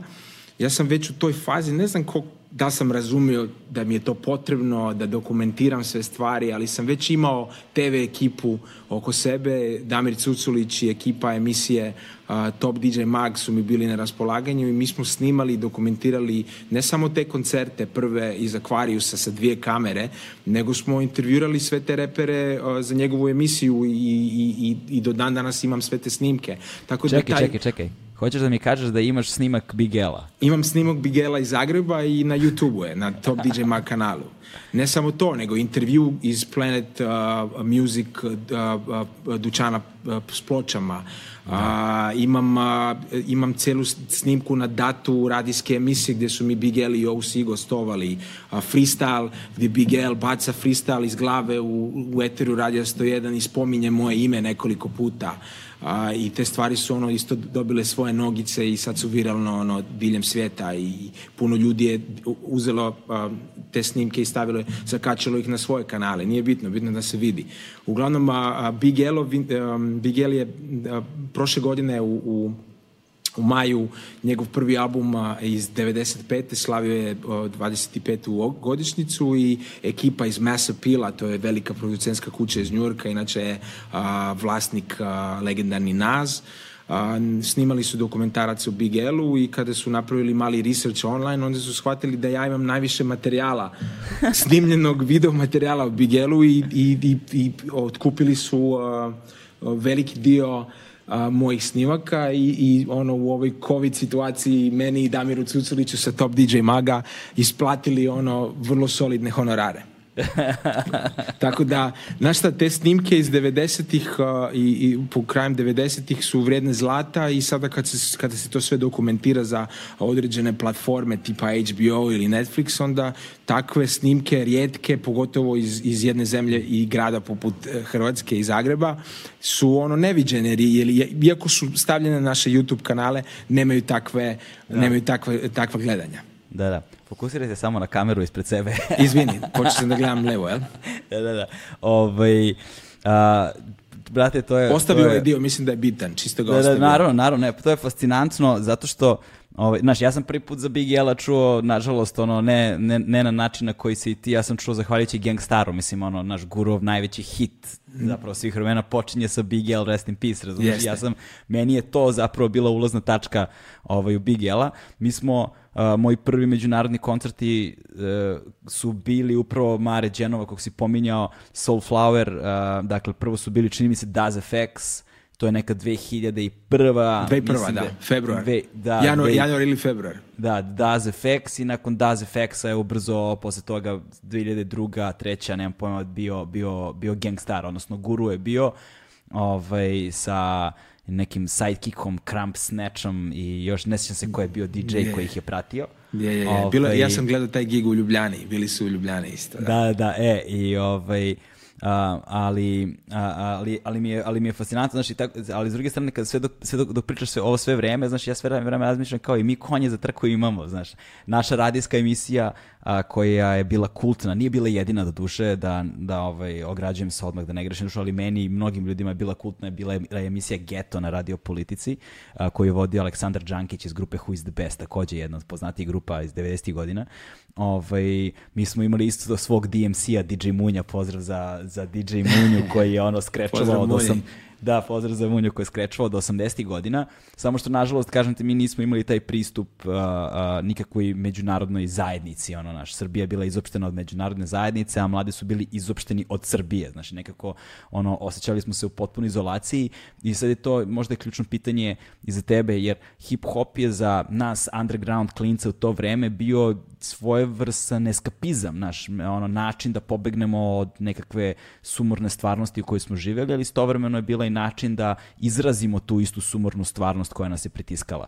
Ovaj, ja često, često to pominjem nije, znaš, nije, nije, neka, nije neka tajna, ovaj, ali e, muzika koja je taj, taj novi val i ne znam, i naši ta muzika 80-ih koja je, koja, je, koja opseda Balkan i koja je dan danas popularna, ne znam, od, od, ono, od Azre do, do ne znam čega, ovaj, na neki način prosto nikako nije komunicirala sa mnom, niti sa, niti sa grupama, niti sa, lju, niti sa mnogim ljudima u mojoj generaciji u to vreme. Uh, zato što uh, te pesme nisu nosile poruku onoga što smo mi osjećali tada, znaš, ono, dok se nisu pojavili uh, ono poput Robin Hooda sa da li osjećaš bes tekstovima, znaš, nikako nije, nije, nije postojalo neka, neka vrednost identifikacije, prepoznavanja i ovo je bilo nešto što je govorilo našim jezikom, našim emocijama. Sigurno. Znaš, i, i, ov, i davala nam je uh, uh, s jedne strane osjećanje zajedništva, da nisi sam u svemu tome što se dešava, a s druge strane kreirala nam je, um, dala nam je platformu za kreiranje nekakvih identiteta. Znaš, dugo se za muziku koju mi sad pričamo i vremenu koju pričamo govorilo da je to kultura ili muzika za decu, za mlade, za, znaš, nije se smatralo ozbiljnjama, evo na sada ja guram 40 ti 45-u. znaš, kao i sad pričamo, pričamo o hip-hopu i dalje sa jedne, jedne mnogo ozbiljnije distance. Ovaj, znaš, ako ti sad posmatraš uh, celokupnu ovu istoriju čiji si ono apsolutni arhivar, nema, nema, nema, nema, nema dalje ovaj, i čuvar vatre, uh, kako je ona, kako je ta kultura menjala značenje i koja je njena zapravo težina u društvu danas, znaš. Jer uvek je teško govoriti o nečemu što je nastalo negde daleko i što je onda prešlo ono okean i primilo se na ovom podneblju i na neki način se transformisalo tako da dobije oblike ovog podneblja nije više američka stvar, nego je ono lokalna stvar, iako je izvorno nastala tamo. Kako izgleda ta evolucija i kada, kada posmetraš sada godinama unazad? Znaš, kao, šta je to što vidiš? Šta, krenulo je kako je i trebalo. Krenulo je ono lagano sa, sa tim prvim impulsom koji je došao iz Amerike, sa tim breakdance filmovima i celokupnom breakdance kulturom. Onda smo, onda sva sreća postojali su ambasadori te iste kulture koji su um, to, tu vatru konstantno držali upaljenom. Uh, spomenuo sam Balena, kasnije mi, um, isto tako i evo, pričaš mi o ekipi, znam i, i Đankića i znam Munju i znam zapravo celu tu prvu generaciju um, uh, BG scene, možda ne prvu, ali recimo drugu generaciju 90-ih. Uh, Um, teško mi je govoriti to iz ove perspektive. Ja sam, ja aktivno živim hip-hop iznutra i, i, i, i, i kad me ljudi pitaju ka, kako je promijenilo eh, našu zajednicu, znam da je, jer smo imali sjajan feedback ljudi, imali smo a, eh, visoku slušanost, a, eh, naši koncerti su bili posjećeni, naše majice su se prodavale, a, klinci su umjesto kitare, uzimali gramofone i počeli da, da, da, da rade bitove na MPC-u i, i na kompjuterima. Um, došli su, iznjedili smo neka od najboljih, uh, neke, neke od najboljih poeta današnjeg vremena uh, na, na, na tragu te kulture koje, koje zovemo, zovemo hip-hop, Edo Majka, uh, Saša Antić, Alejandro Buendia iz TBF. Um, i, i čuj, razvilo se toliko da, da, da su neki od nas živeli od toga i žive i dan danas od toga, nemajući potrebu da idu da rade druge poslove.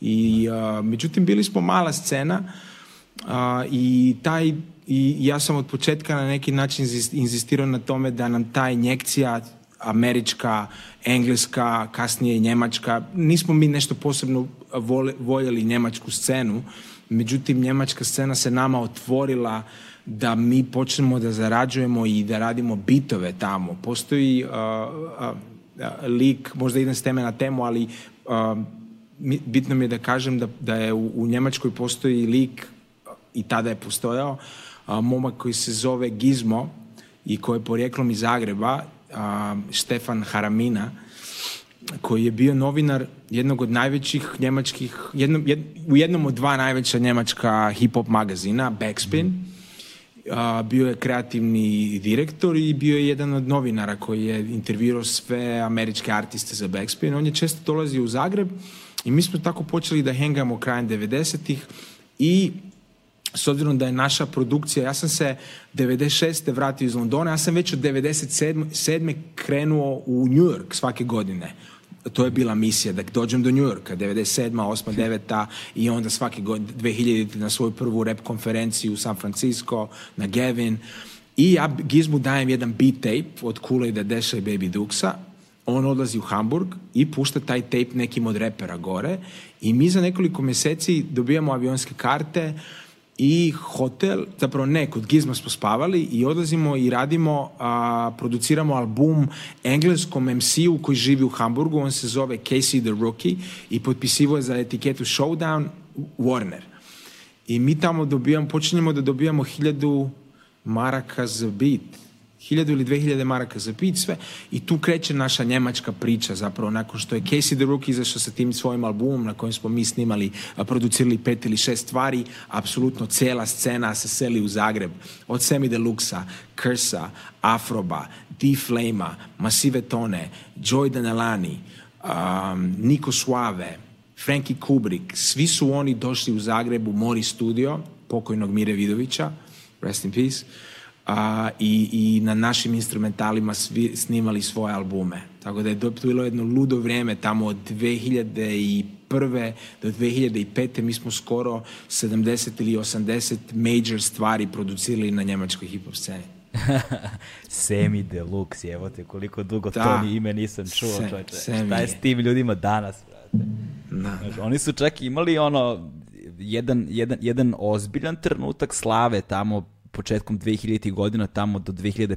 6. čak i 7. možda, ne, ne baš do 7 ali tu je bilo, to je i ovaj Poljak koji je zapravo bio Nemac, DJ Tomek je tada bio ono o, ogromna, ogrom, ogromna zvezda koliko se sećam. Ovaj, nemačka scena je baš, baš, baš bujala. I mi sećam da smo, da smo ovde slušali ja Zadi, ne znam šta je sve tu još ne. bilo od grupa, to, to vreme što je bilo onako tvrdo dosta zvučalo. Ovaj, ali zanimljivo je naš, koliko, kako je izgledao E, sa poslovnog aspekta e, taj e, održavanje tih kontakata, rad, rad na svemu tome, jer ipak nekako, znaš, mi ovde nismo zapadno tržište, znaš, mi ovde ipak nismo zapadni svet i nismo deo te zajednice u kojoj oni vide nekakav širi interes od možda ono, ne znam, znaš, jeftine radne snage, lupetam sad, znaš, kako je, kako je izgledalo, zapravo, koliko je teško zapravo bilo održavati te veze. Ja znam za brojne ovde grupe koje su dolazile do granice, do tačke da kao, znaš, imaju nekakav proboj na međunarodnu scenu, ali nekako kad god se eh, krate troškovi, kad dola, god dolazi do nekakvih promena, uvek ti periferni igrači prvi otpadaju. Znaš, i uvek je bilo teško držati se i održavati te kontakte, ne izgubiti ih, a kamoli praviti progres i ulaziti dublje na to tržište.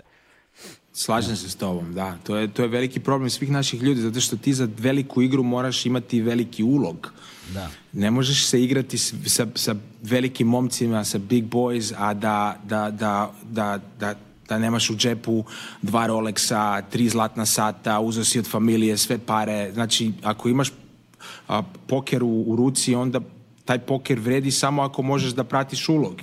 Da, da. A, i, i, i, sva sreća nama je Zagreb a, već tada kroz klubove počeo da proizvodi nekakvu određenu lovu, Trem Eleven, Blackout Project, albumi su se prodavali, ja sam tu imao 30% od, od prodaje jer sam bio sub-label većeg menarta BMG-a i zadržao sam 30% inkama i u tim trenucima a, lova dolazi a, iz različitih smjerova Tako da sam na taj način tu istu lovu preusmerio prvo u, dovoze, u, dovo, u dovođenje stranih izvođača ovde, od OC-a, j The Damage-a, Das Effects, uh, kasnije Wu-Tang, Basta Rhymes, Redman, Method Man, 50 Cent, um, a i naravno Fresh Island od 2012.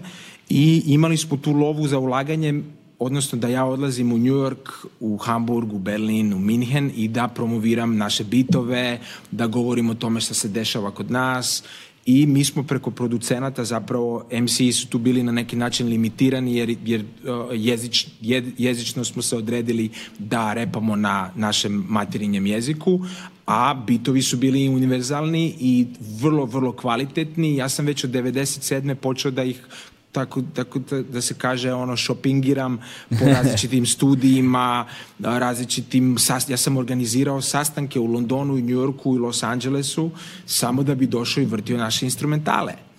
E sad, I... kako, znači, koliko si para trošio na te, mislim, e, teško je zamisliti stvaranje i održavanje mreže takvih kontakata u vreme pre interneta. Da. Znači si morao fizički da odeš i da ili, ono, ili da ih zoveš do... telefonom da zoveš telefonom i da obijaš pragove, znaš, koliko ti je to vremena uzimalo, koliko si ti zapravo investirao u to, koliko si rizikovao, koliko si žrtvovao, koliko si ono pukao, jebi ga, da bi probio nešto, znaš. Dao sam sve, sve sam dao. U to vrijeme sam prekinuo s fakultetom, otišao u Englesku, vratio se iz Engleske i rekao sam to je to sada, ili hip-hop ili ništa drugo. I onda smo krenuli da radimo, da šljakamo, Uh, održavao sam sve te veze. Ja sam slao 95. ja sam počeo da šaljem pisma a, američkim izdavačkim kućama, objašnjavajući im ko smo mi, a, kakvu emisiju radimo i da nemamo dovoljno materijala jer naši dućani s pločama ne drže hip-hop a, izdanja i da nam je potrebno da dobijemo neke promo materijale da, da bi mogli da tu kulturu održavamo na životu u, u Zagrebu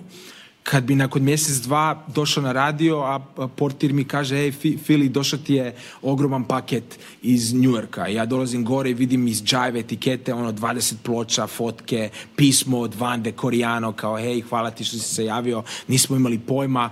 Um, evo ti na, ono, R. Kelly, Alija, Tribe Called Quest, KRS-One, Too Short vrti i šalje nam uh, faksom playliste. Onda, onda za dva tjedna je stigo paket iz, iz Death Row-a, od Dr. Drea, gdje sam uh, našao uh, Tupaka California Love, 12, 12 inče i majca Dog Pound i neki, neka ogrlica i onda sam svidio da to funkcionira onda sam još više zapravo cijelo vrijeme taj moj uloženi rad Uh, uh, imao nekakve ono rezultate i onda sam grabio dalje. Onda sam 2000-te otišao u San Francisco na konferenciju, onda sam prvi put čuo Pink u, u, u hotelskoj sobi gde je pevala za nas 20, njena prva stvar ikad, Pink, ogromna zvijezda, danas je pjevala za nas 20 u, u Frisku, u, u, u Sheratonu.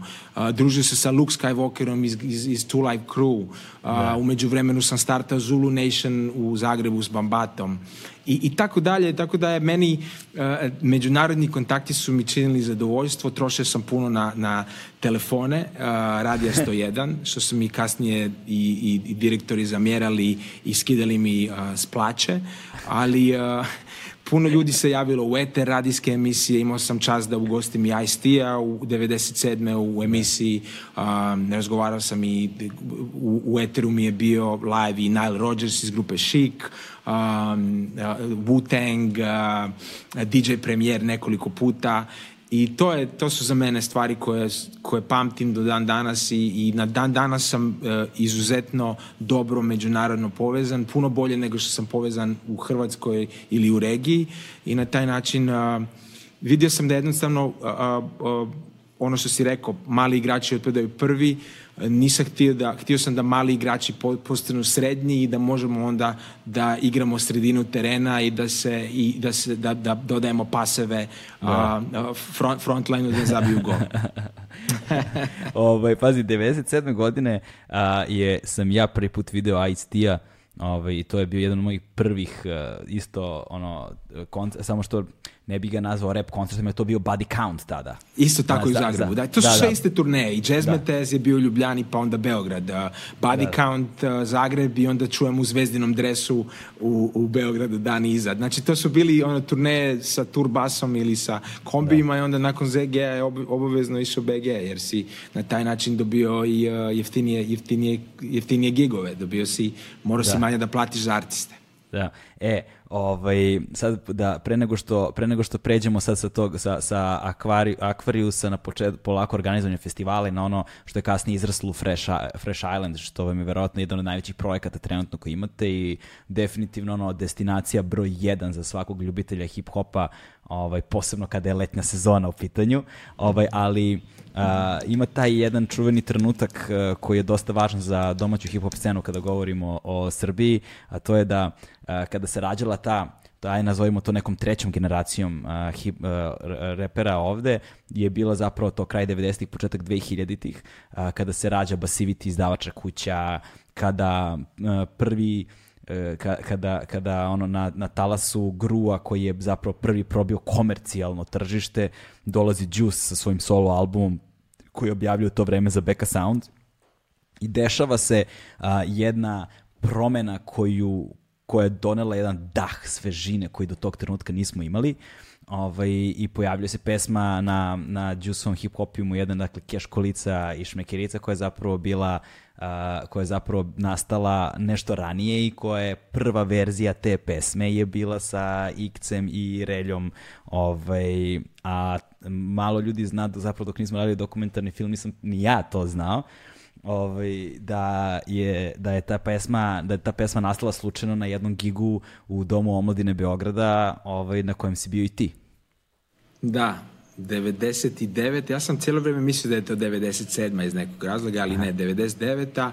Ja dobijam poziv od eh, Mareta iz, iz, iz organizacije Soulflower, Mare Dženova, i dolazim u BG. Eh, kako spomenuo sam da mi je baka iz Jagodine, tako da se ja uh, i za vrijeme rata i iza rata išao kod bake u posjetu preko Mađarske se putovalo do, da. do, do Srbije a, jer, jer, sam, jer sam užasno blizak a, sa bakom i sa djedom koji je tada još naravno bio živ, on je tek prije nekoliko godina preminuo a, i, i ta Jagodina je meni do dan danas a, a, mjesto na koje ja odlazim bar 3-4 puta godišnje a, i gde, se, gde, gde ta bakina kuća je nekako moje ono, moj safe spot i moje utočište i za mene, a sad i za moje klince i koji su moje baki i pravnuci a, i, i 99. dolazim u Beograd a, u koji sam normalno dolazio svake godine mm -hmm. i, a, i gostujem kao prvi hrvatski DJ i, i čak i prvi hrvatski tak da nazovemo muzičar u Beogradu iza rata a, i a, u Domu omladine upoznajem celu beogradsku scenu i, a, i na tom koncertu kao što si rekao, a, se prvi put izvodi Keš Kolica, a, brata Đusa, a, Ika Cigore, upoznajem Rexonu, naravno Munja je na istom flyeru koji ja sviramo zajedno, DJ Sonja je bila također moja e, domaćica tamo i, i DJ-ica isto veče i ta žurka me ono do dan danas prati. Sva sreća da sam dokumentirao sve di sam putovao, pa sam imam, imam nekih desetak, petnaestak fotografija sa te svirke i, i sa zadovoljstvom sam, sam ti ih ustup, kupio za potrebe Đusovog dokumentarca. E, a ovaj, Sonju, Sonja, Sonja je isto bila jedna od tih kultnih radijskih faca u to vreme.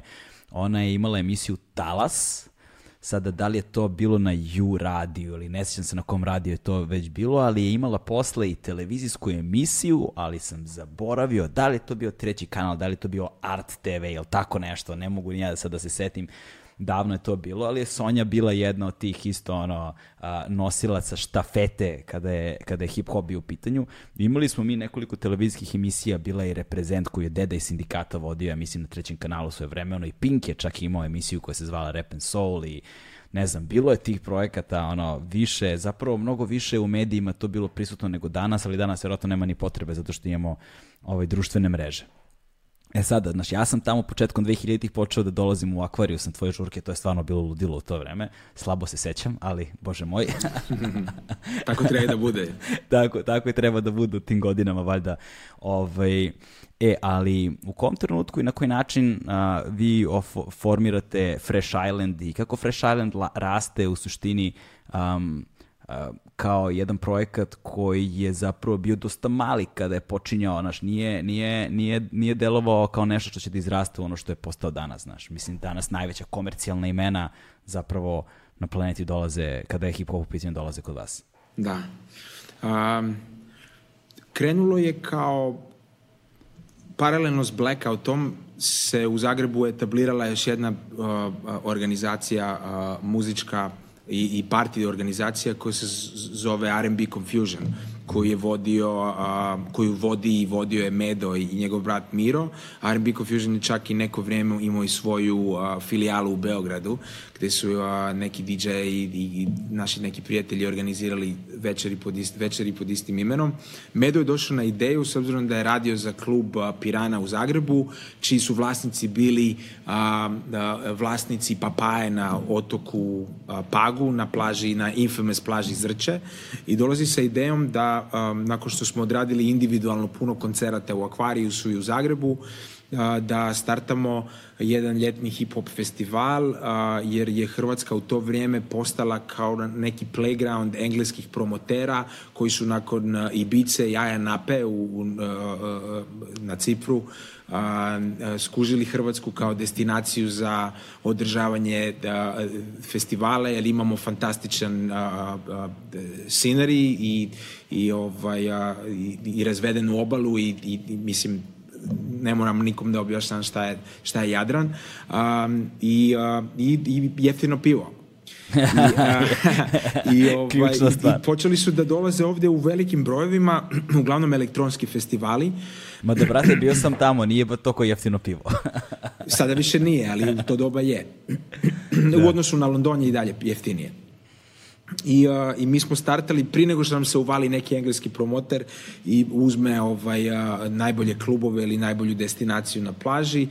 Ajmo mi startamo Fresh Island festival i kao što si rekao krenuli smo skromnije, nismo imali neki budžet, ajde skrpat ćemo neku lovu, uzet ćemo, pozajmit ćemo negdje, uzet ćemo neku kintu od roditelja.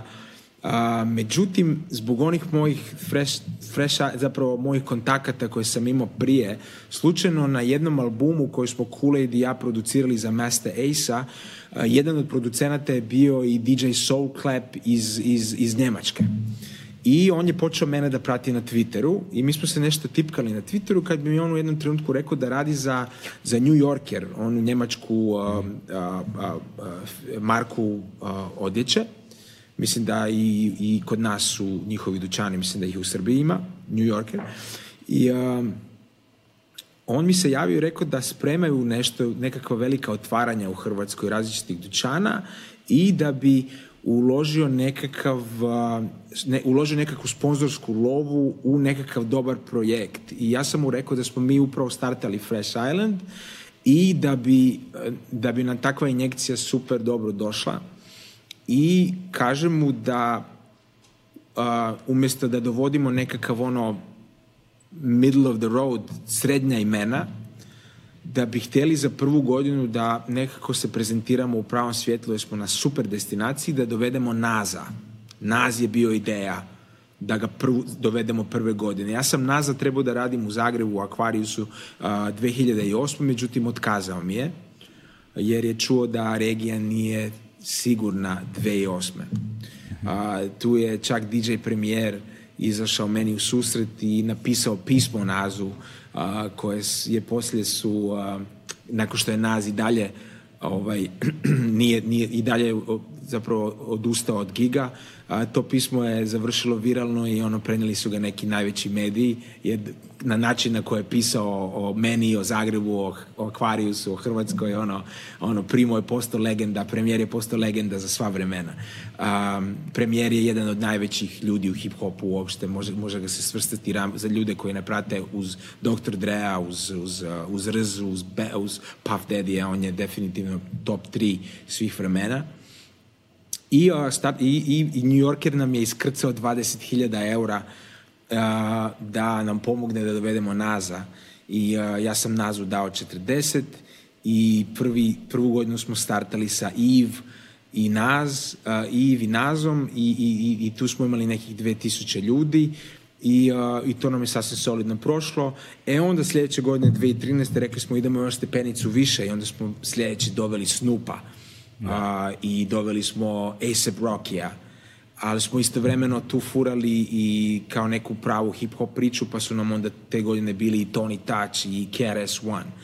I, a, i, tu na, na, I onda na tragu toga Snoop Doga smo shvatili da je ono, either you ball, ball hard or you don't ball at all, ono, ili, ili ideš jako do jaja ili, ili nikako drugačije i, i tu Fresh Island zapravo starta uh, a, svoju nekakvu a, sljedeću um, a, fazu, a, pogotovo a, kad su nas Englezi shvatili da smo mi ono nekakav festival koji se njima najviše sviđa, okrenuli smo se i prema izvođačima koji ono dobro a, kotiraju u, e, na engleskom tržištu, pa smo se onda povezali i sa Tim Westwoodom i sa drugim DJ-ima i promoterima iz Londona i na, na taj način smo ono doveli i Chris Browna i Sean Paula i French Montanu i Migose i Action Bronsona i Joey Beresa i um, Ray Shremmerd, Lil Pump Da. Uh, nema ko nije bio Rick Ross, uh, Mob Deep, Redman i Method Man ono, najveći mogući izvođači. Evo, prošle godine smo trebali da imamo Pop smoke a, mm. pokojnog, a, Burna Boy, Wizkid, krenuli smo malo i u Afrobeat a, ritam, a, počeli smo malo da se širimo i na Francusku i onda nas je a, lupila korona i evo, morali smo da otkažemo 2020. Ali evo, mhm. spremamo 2021. To je naša deseta objetnica, malo preznije, malo manje brojke, drugačija destinacija, uskoro izlazimo sa, sa, sa objavom za Fresh Island 2021. Čekamo i razvoj ove COVID situacije. Aha, čekaj, ovaj, jel znaš neka imena koja će da budu na Fresh Islandu? A, pa znaš šta, da mogu da znaš, ti reći, on... nije, nije tajna, zašto ne, uh, um, pregovaram sa, sa, s obzirom da smo prošle godine imali Wizkida, uh -huh. uh, najjačeg nigerijskog afrobeat i svetskog afrobeat izvođača rame uz rame sa Burna Bojem, kojeg smo imali 2019. A, dan Imao sam i požar 2019. Moram ti samo ispričati ovu priču. Tajga dolazi na Fresh Island 2019. I ja dolazim na plažu i organiziram dolazak Tajge iz hotela. Dolazim na plažu i u jednom trenutku vidim ogroman požar u šumi nekih kilometara od kluba. I uh, i umesto da se brinem o tome kako da tajgu dovedem i da otvorimo festival na najbolji mogući način, tama nam dola, je došao i potencijalni investitor koji treba da nam šusne lovu i da, da dobijemo, da prodamo udio u firmi ljevo desno. Dolazi požar za nekih 45 minuta, sat vremena požar je na nekih nekoliko stotina metara od kluba i ja moram da izađem na binu i da 5000 pijanih Engleza objasnim da moramo da evakuišemo celi klub, da evakuiramo celi klub i, na, i ja na neki način bez jednog zvižduka izvlačim 5000 Engleza iz kluba i, uh, i ono, hvala Bogu, vatra je bila zaustavljena prije nego što je došao do kluba, naravno, ali u tim okolnostima, u suradnji sa, razumijem, sa gradonačelnikom Novalje i sa policijom smo, eh, je bilo naređeno da, da je evakuacija potrebna, ali su evakuirali klub po klubu, onda kad su došli do nas, tako da taj ga nikad nije nastupio, zadržao je 100.000 dolara, 100.000? Jer, je bila, jer je bila viša sila I čekaj, brate, sto, čekaj, čekaj, čekaj, 100.000 je dobio. 100.000 je brat uzeo. Brat je uzeo 100.000. Nije tajna. I nije nastupio, brate. Nije, nas, moć, nije nastupio, mi nismo morali da vratimo karte, jer ono, bila da. je viša sila, sutra smo nastavili festival, došla je Steph London i ja dobijam informaciju da uh, Tory Lanez, koji je navljen za treći dan festivala, mi u šest popodne javljaju da zbog taj, taj požar je u, u roku od sat vremena postao svetska vijest, ono viralna vijest, tako da smo mi kad smo seli u kombi dva sata iza požara, već na e, New York Timesu, na Billboardu, na CNN-u, već smo gledali informacije o požaru na plaži Zrče i o tajginom nastupu i o tome kako su svi a, bili dobro evakuirani, tako da smo dobili i, a, i dobar, dobar PR, međutim Tory Lenz ne dolazi. I ja imam tu nekih šest sati da nađem adekvatnu zamenu i, i sva sreća imao sam nekakav privatni jet koji je čekao Tory Laneza na a, um, aerodromu pored Londona i nudim Burna Boju još jednom jakom da. nigerijskom artistu koji je to ljeto imao najveći mogući hit uh, je koji se ono svirao na mom uh, festivalu od ono 12 13 15 puta dnevno i uh, zovem Bernaboja koji ono sutra u, u dva popodne sjeda u isti taj private jet i dolazi i spašava festival i to mi je treći put da, da ono doslovno uh, spašavamo festival uh, od, od, od, samog propadanja jer mi smo manj, festival manjeg kalibra imamo samo jednog artista za dan nemamo dva artista pa ako jedan ne dođe imamo drugog ako ne dođe glavni onda imam DJ ali imam, imam ljutu, ljutu bagru A, nekoliko godina ranije DMX otkazuje i ja u roku od 6 sati dobijam a, Mob Deep koji su sedeli na kauču u Njurku, ulaze na avion i dolaze u, u Hrvatsku i nastupaju, dolaze u jedan uveče na park, u dva su na, na nastupu, u četiri se vraćaju nazad jer sljedeći dan popodne imaju nastupu za Levis u Njujorku ponovo.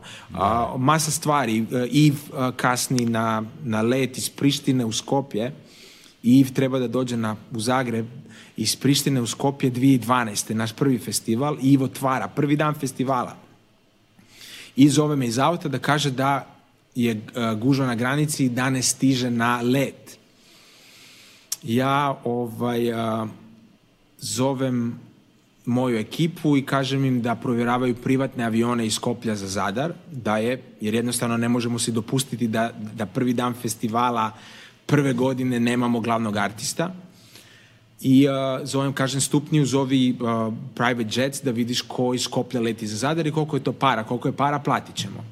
Međutim, u isto vrijeme u, u Skoplju postoji jedan legendarni tip koji se zove Vladimir Blažev, Uh, njegovo umjetničko ime je Pancho, a.k. DJ Shorty P, dolazi iz, iz, iz pop uh, grupe, uh, jedne od najvećih makedonskih pop grupa DNK, koji je ujedno jedan od mojih najdražih i najboljih prijatelja uopće, a i moj najbolji prijatelj u Skoplju. I kako je ono, celebrity u Skoplju, molim ga da zove ministra veza ili predsjednika zemlje i da, i da zadrži taj Croatia Airlines na pisti dok Iv ne dođe. Iv, Iv njen, njen muž koji je vlasnik uh, Gumball 3000 uh, uh, celebrity rejsa, -hmm. Da, znam, bili su ovde uh, u to vreme i Tony Hawk i cela ekipa iz yeah. Jackessa svoje vremeno i tako dalje. David, David, David Hasenhoff i da, ekipa. Da, da, da. da. Uh, Maximilian uh, Cooper je njen muž, vlasnik i organizator tog rejsa i Pančo uh, zove e, mene nazad i kaže uh, zadržao sam ti let na pisti, 45 minuta imate da Iv dođe. I Iv dolazi i a, čekaju je ono na ulasku na aerodrom i sprovode je ono direktno do aviona i, i ovaj, dolazi na, na, na, na, na pag i kaže ono, sve sam ono prošlo u životu, ali nikad komercijalni let me nije čekao a, da, da ovaj, toliko dugo i, a, i na taj način je, ovaj, je Fresh Island krenuo s dramom, ali i a, Pancho je postao ono, kako bi rekao, svetac festivala je sljedeće godine nastupao na našem istom festivalu u stolici ja sam mu napravio krunu i stavio sam mu ono kao, kao king jevi ga i do dan danas zadnje četiri godine e, i baš zbog toga što, što volim Skoplje i često nastupam tamo svoja zadnja četiri rođendana sam slavio u Skopiju, pa je tako i 2020. u vreme korone smo ja i familija krenuli uzeli uh, test i krenuli preko Srbije, preko Jagodine do, do Skoplja i proveli tamo 10 dana. Da ja, ovaj, um, or, os, or, Oluju sam imao. A, imao sam i Oluju, da. Imao sam Oluju kad je Chris Brown u... A, a, imao, sam, u, a, imao sam orkansku buru Galebe, uh, koje je... Mi smo, kad smo doveli Chris Browna, Moram ovo ispričati, izvini, ovo je stvarno... Ne, ne, ovo je sve, meni je, ne, pazi, ovo je sve zlato, razumeš? Što ovo, više zla, o, o, ovo, što... Buraz, ovo je... A, znači, Chris Brown dolazi, jedva smo uspeli da ga dobijemo, ono, platili smo ga pet puta manje nego što mu je bila cijena. Dolazi privatnim letom, saznajemo informacije u zadnji čas i mi prvi put izlazimo iz klubova na plažu i gradimo binu na plaži, jer Chris Brown je prodao 10.000 karata, svaki klub je 5.000 ljudi. Moramo da stavimo ljude na plažu i izgradimo ogromnu produkciju. I saznajemo naš glavni production manager Lovro Ivas saznaje nekoliko dana ranije da se na taj dan očekuje ozbiljna bura. To je jedan lokalni vjetar na hrvatskom Jadranu. Znamo, znamo šta je. U Dalmaciji koji kad krene jebe keu. I Eh, mi smo pomakli koncert malo ranije i zadnje informacije su bile da će bura krenuti tek negde iza ponoći. Međutim, 15 minuta prije nego što Chris Brown izlazi na binu u 21.30, bura se spušta niz Velebit i u roku od keks preokreće VIP stolo, eh, stolove u VIP-u. Ono, flip. I ono, kreće bina, počne da se trese. I, u, i ono, u roku od desetak minuta smo morali da otkažemo gig i zamolili smo ljude da se vrate u klubove. Um, bura kreće najgore najgorom mogućom brzinom, ono, preko 160-70 km na sat. I mi, ovaj, a, ja ulazim kod Chris Browna i kao, Chris, šta radimo? On kaže, jel ima nekih klubova ovde? Ja kažem, da, imamo dva kluba i morat ćemo te prebaciti, on kaže super, prebacujemo se tamo, međutim ja imam problem 10.000 ljudi koji su se podijelili u dva kluba, kreće parti u klubovima, klubovi su tako napravljeni, napravljeni da mogu da izdrže buru, jer imaju zidove sa strane i ti kad si unutra si kao u malom amfiteatru i ne osjećaš šta se dešava vani. I zovem papaju, s obzirom da je ona najjači klub na plaži, niko mi se ne javlja.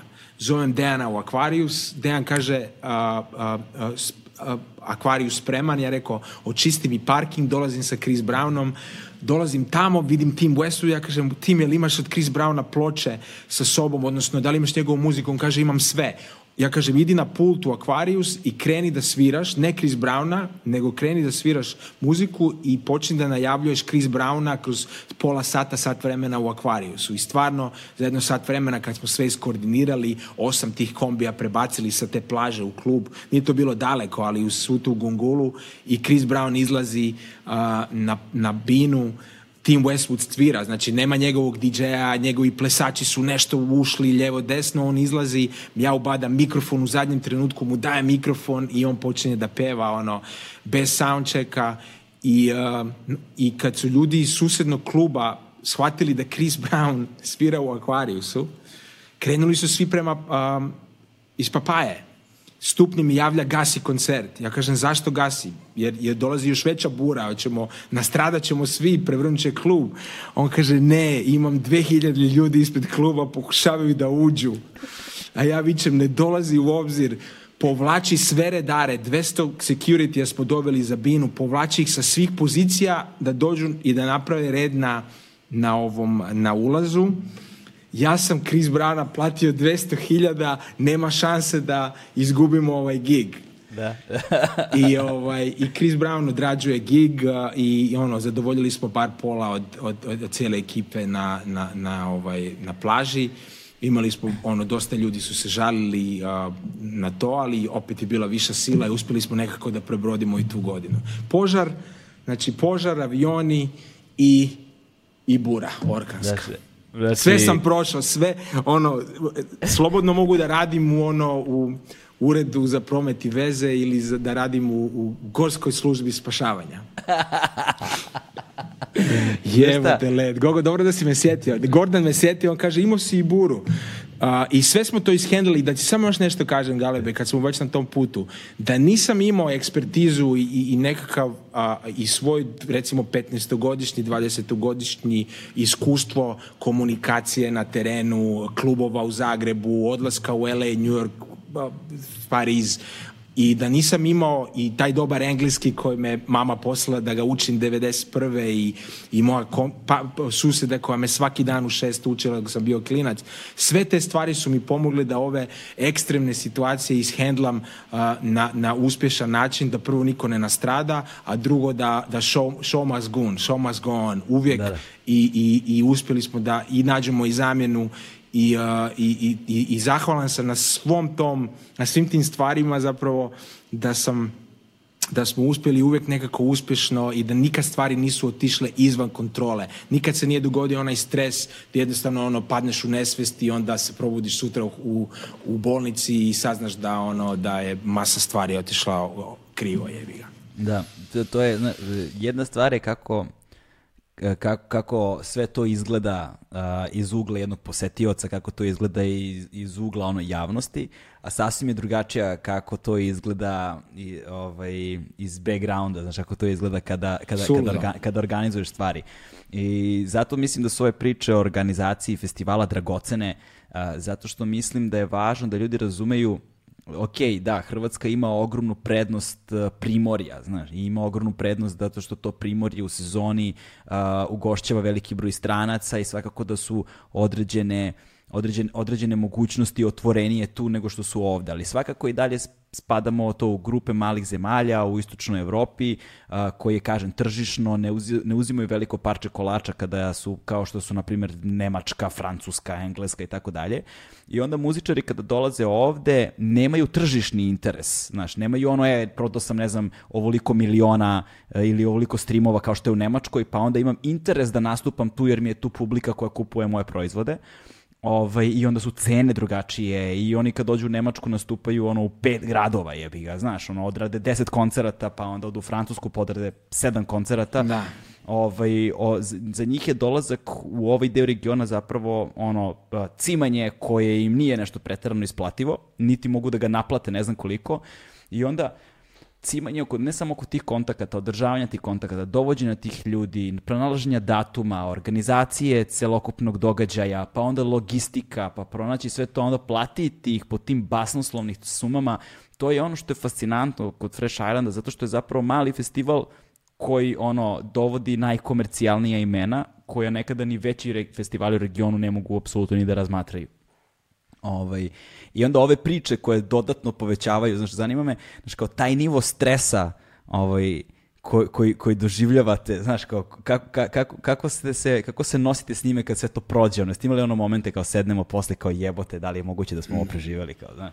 Uh, Fresh Island gubi, gubiš u, u toku Fresh Islanda gubiš između 6 i 7 kila. Uh, smršaviti je lako, pitaj me kako. I uh, Znaš šta, a, a, level stresa je neverovatan, međutim, svi smo malo, svi imamo koju godinu u guzici i imamo mm. dosta iskustva na terenu, tako da znamo taj stres nekako da ga um, izbalansiramo. Osim toga koristimo različite preparate za reguliranje stresa. Ja, ja, ja uzimam THC ulje pomalo na festivalu, imam i ovaj krasan uh, uh, vape pen THC mhm. iz Kolorada, mojih prijatelja iz, iz, iz uh, grupacije Mez, Mez Brands. Tako da um, na neki način uh, pivce mal, zapališ nešto i onda na taj način nekako uspješ da ishendlaš i požar i oluju i da ishendlaš nadrkanog menadžera od tajge. Da. ja, ja, moj posao unutar Fresh Islanda, s obzirom da tu imam partnere Stupnija, Bizu, Medu i, i, i Senku, svako hendla određeni dio festivala. Senka je financije, Medo je a, logistika, Stupni je project manager, a ja sam international, znači artisti, hospitality, tonske probe, tehnika, a, ljevo desno. I, uh, I onda level stresa je ogroman i, da. i, i nak, postoji, postoji e, ode do tog, do, do tog nivoa da iza festivala neki put ni ne razgovaramo neko vreme. E pa to sam teo te pitan, kakvi su vaši uzajamni odnosi? Ispičkaramo se međusobno, a neki put ispičkaramo i, i radnike koje rade za nas.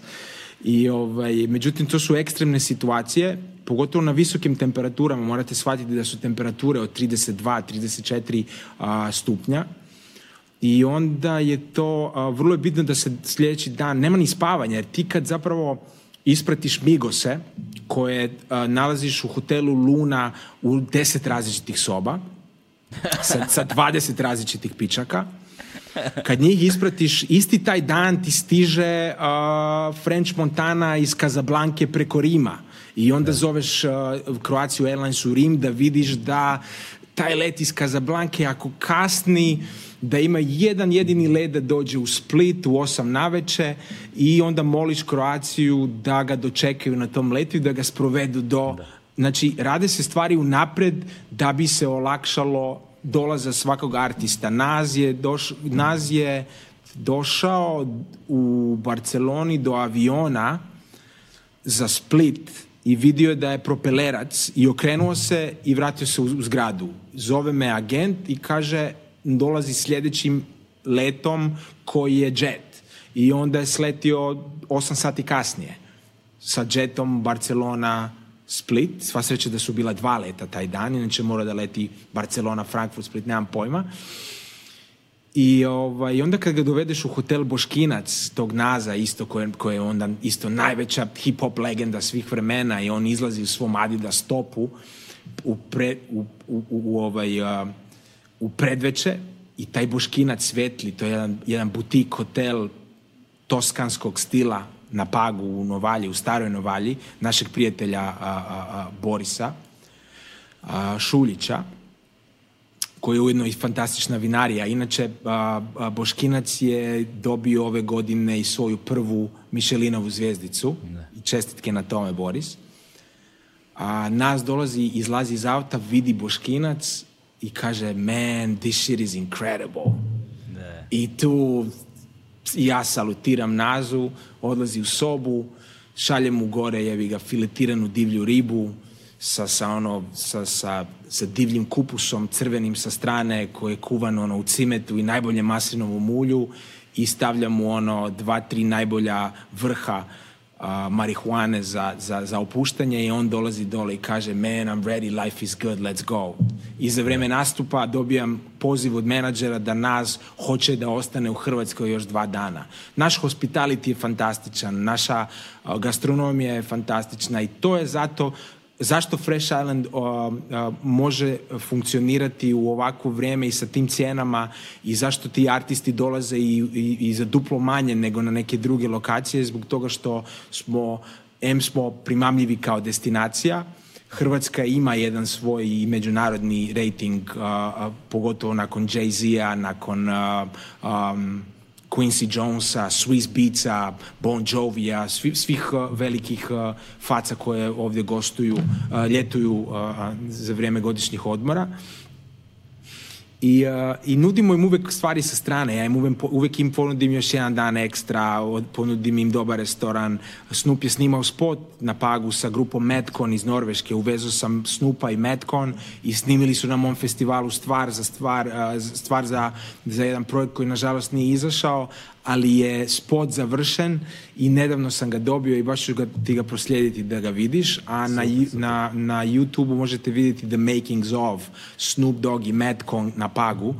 Ne samo to, nego sam snimao još jedan spot, Steric Selecta, Joey Beres i fantastični Action Bronson su također snimali stvar na Fresh Island festivalu. Slučajno su imali zajedničku stvar u Njujorku, a mi smo slučajno bukirali sva tri artista to, na istom festivalu i onda kad smo shvatili da ta stvar izlazi, da su uh, svi na tom festivalu, onda smo im pičovali ideju da snime spot na Freshu i snimili su spot uh, i, ono, na jahti i kako nastupaju na bini, tako da na taj način širim dodatno priču o Hrvatskoj kao ono uh, destinaciji, o Fresh Islandu kao festivalu gdje se mora svirati. Ovaj, znaš, nekoliko zanimljivih stvari se usput tu dotaklo koje, ko, koje bih volao da prokomentarišem. Prva je stvar o kojoj se uvek govori kada su velike zvezde u pitanju, ono što ono, tabloidi najviše vole, jesu te čuvene rider liste i zahtevi koje daju, posebno, posebno, što, su, što, posebno što kod tebe dolaze ovaj, te trenutno mega zvezde. Da li postoji nekakvi ono posebni prohtevi ili su to sve mitovi? Uh, Kada su rajderi u pitanju. Smoke, smoke, smoke break. um, sad ću ti reći na jednu istinu. Rajderi su skroz cool. Svi rajderi, pa čak i Snoopa i Chris Browna i Sean Paula i French Montana i Migosa su bili najnormalniji. Mi smo čak morali da izmišljamo kerefeke u rajderima. Da. Tipa, jed, tipa jedne godine smo izmislili Carpaccio od uh, Karpačo od gofa ali od neke ribe. Karpačo od, od, grdob, karpačo od grdobine. ne. I, to, i, i novine su se uhvatili na karpač. Uvek uvaljujemo novinarima to da, da, da artisti traže autoktono hrvatsko. Hrvatsko e. vino, hrvatsko ulje, maslinovo, hrvatska riba i, i organski. To im je jako interesantno. Naravno da nikom nismo rekli da se traži tona marihuane. Da za koju moraš jebi ga a, organizirati dolazak na destinaciju gdje na to svi gledaju kako gledaju Um, nije to tona, znači Snoop da. treba 20 grama, ali to su za njegove osobne potrebe. On to konzumira u, u, u svojoj sobi, u svom backstage-u, uh, isto tako i svi drugi. Da. I um, I, a što se tiče rajdera, e, vjerujem mi da su ozbiljniji su rajderi i tehnički, tehnički zahvet, zahtjevi a, u odnosu na, na ono što se nalazi u, u, u rajderu tipa Dom Perignon i, i jeste, tu su šampanjci, tu su a, do, dobre vodke, a, nema ono, brate, nemaš tu vodku, nabavljaš tu vodku, koja piše unutra. Ako nemaš tu vodku, onda im šalješ drugu vodku na approval. Moraju da ti da. odobre tu vodku. Zapravo, na taj način sam počeo i da surađujem sa šampanjcem, penušcem Luc Belair, Belair Rosé. Da.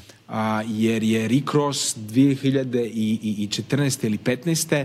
tražio da mu, da mu u backstage-u bude šest ili sedam kejsova Belera.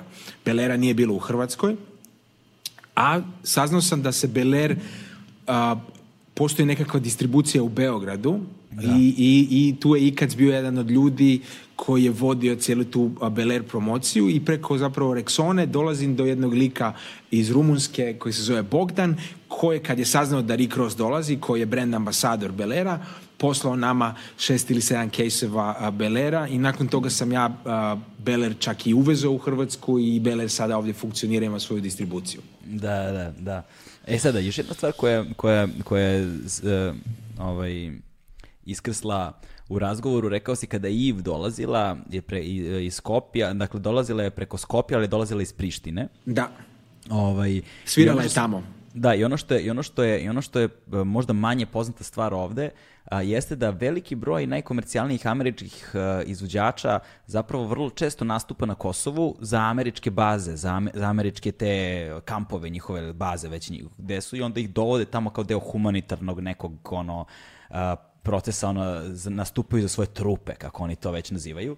Znaš, koliko ste takvih konekcija zapravo imali da ti ljudi kada dođu tu onda se prebacuju kod vas ono i da li ti je to dosta česta stvar? Nije, nije, nije. Vezano za Kosovo i za, za, za, za, za, za, za Prištinu ne. Uh, a, a, zato što nismo, zato što ako oni i dolaze, ja nisam ni čuo da oni dolaze da sviraju za američke baze, ako to dolaze, onda dolaze u aranžmanu američkog governmenta, odnosno da, da, njihove da, da, vlade i onda oni nisu na nekakvom a, na nekakvoj turneji. Amerikanci kad kažu hoćemo Naughty by Nature u Iraku za novu godinu, onda Naughty by Nature idu u Irak da sviraju. Da. A, e, ne, ali se dešava to da smo se uvezivali sa Exit festivalom, i sa si eh, dance festivalom eh, u, u Crnoj Gori. Eh, to su znači isti su isti je da, onaj da. krovni krovni gazda.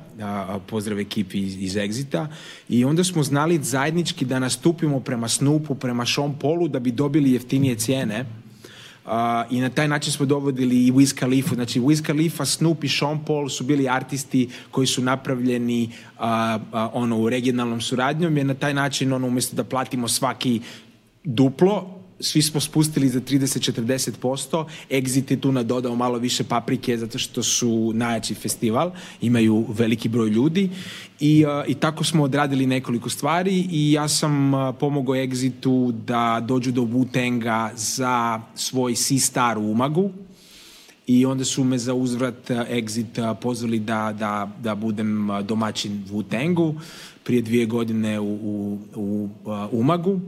I tu mi se dogodila jedna od najdražih stvari u mojoj karijeri, iako već duži niz godina surađujem sa grupom Wu-Tang i, i individualno sam ih skoro sve doveo u Aquarius i Kool-Aid je producirao za Ghostface Killa na, na jednom albumu i producirao je na, na, na producirali smo na dva albuma od Master Killa, isto člana Wu-Tanga. Uh, nakon što smo hengali dva dana zajedno i Rza i Ghostface i, i, i, i, i Inspector Deck i, i Džeza um, ja sam imao priliku da, da sviram 20 minuta prije njih da zagrijem za Wu-Tang, a kako sam saznao da su Smoky Mardeljano i Frenki iz, iz Tuzle u, u Umagu, onda sam ih a, pozvao da izađu na binu i da izvedu svaki po jedne dve stvari kao surprise unutar mog seta. Završim ja svoj set, krenu wu i pred kraj koncerta Ghostface uzme mikrofon i izvede me na binu da mi se zahvali na, na supportu svih ovih godina za Wu-Tang. Ja se pritom pozdravim sa svima na bini, daju mi mikrofon, ono, odradio sam mali, ono, mali sitni govor, mali chant, Wu-Tang Clan ain't nothing to fuck with i odlazim sa bine i to je bilo ostalo dokumentirano sa, sa normalno puno prijatelja je to snimilo i, i Exit je to snimio i to je jedna od, od, od stvari koja mi je stvarno draga i, i dobio sam priznanje možda od najveće rap grupe svih vremena i sa njima a, dan danas održavam fantastične odnose. Da, naš, eh, Wu-Tang su svakako stekli odavno, odavno. Oni su, oni su zapravo, čim im izašao prvi album, stekli već kultni status. Yes. Ali teško je objasniti ljudima šta je Wu-Tang bio kada se pojavio. Ko je to revolucija bila? Znaš, koji je to, koja je to promena u zvuku, u stavu, u filozofiji, pa kad se pojavila ono Đuture Ortaka, razumeš, koji repuju, znaš, to je, ne, to je nešto što svet do tog trenutka nije video i Wu-Tang su za, za, zaista uleteli ono nogom kroz vrata na svetsku muzičku scenu i ostavili ogroman, ogroman neizbrisiv trag. Ovaj, e, ali Znaš, ono što je meni zapravo najfascinantnije sad kad slušam sve ove tvoje priče, naš veliki deo ih priča, ono znam, jer kao drugari smo i u kontaktu smo i to sve, ali a, fascinantno je da si ti zapravo na neki način kroz sve ovo vreme uspeo a, i paralelno da ono fanatički beležiš sve ti imaš gomilu fotografija gomilu snimaka da zapravo sve ove stvari koje govoriš ti veliku većinu njih imaš ono zabeleženo i da ti zapravo skupljaš sad neku ogromnu, da, koliko je velika u suštini tvoja arhiva kada govorimo i o lokalnoj i o regionalnoj i o toj međunarodnoj saradnji i o celokupnoj hip-hop zajednici poslednjih koliko, brate, 30, pet da. godina.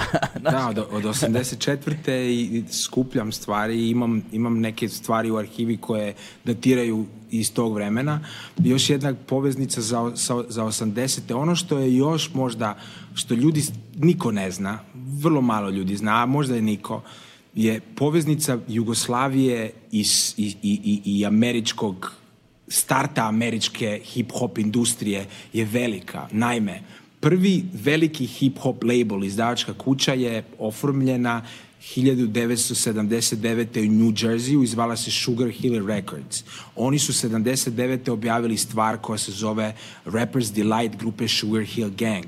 Nekoliko godina kasnije objavili su stvar od Grandmaster Flash and the Furious Five, The Message, koja je uvrštena u Rock and Roll Hall of Fame i, i a, proglašena je za najbolju rap stvar svih vremena i u top 50 najboljih a, pjesama svih vremena, svih različitih žanova.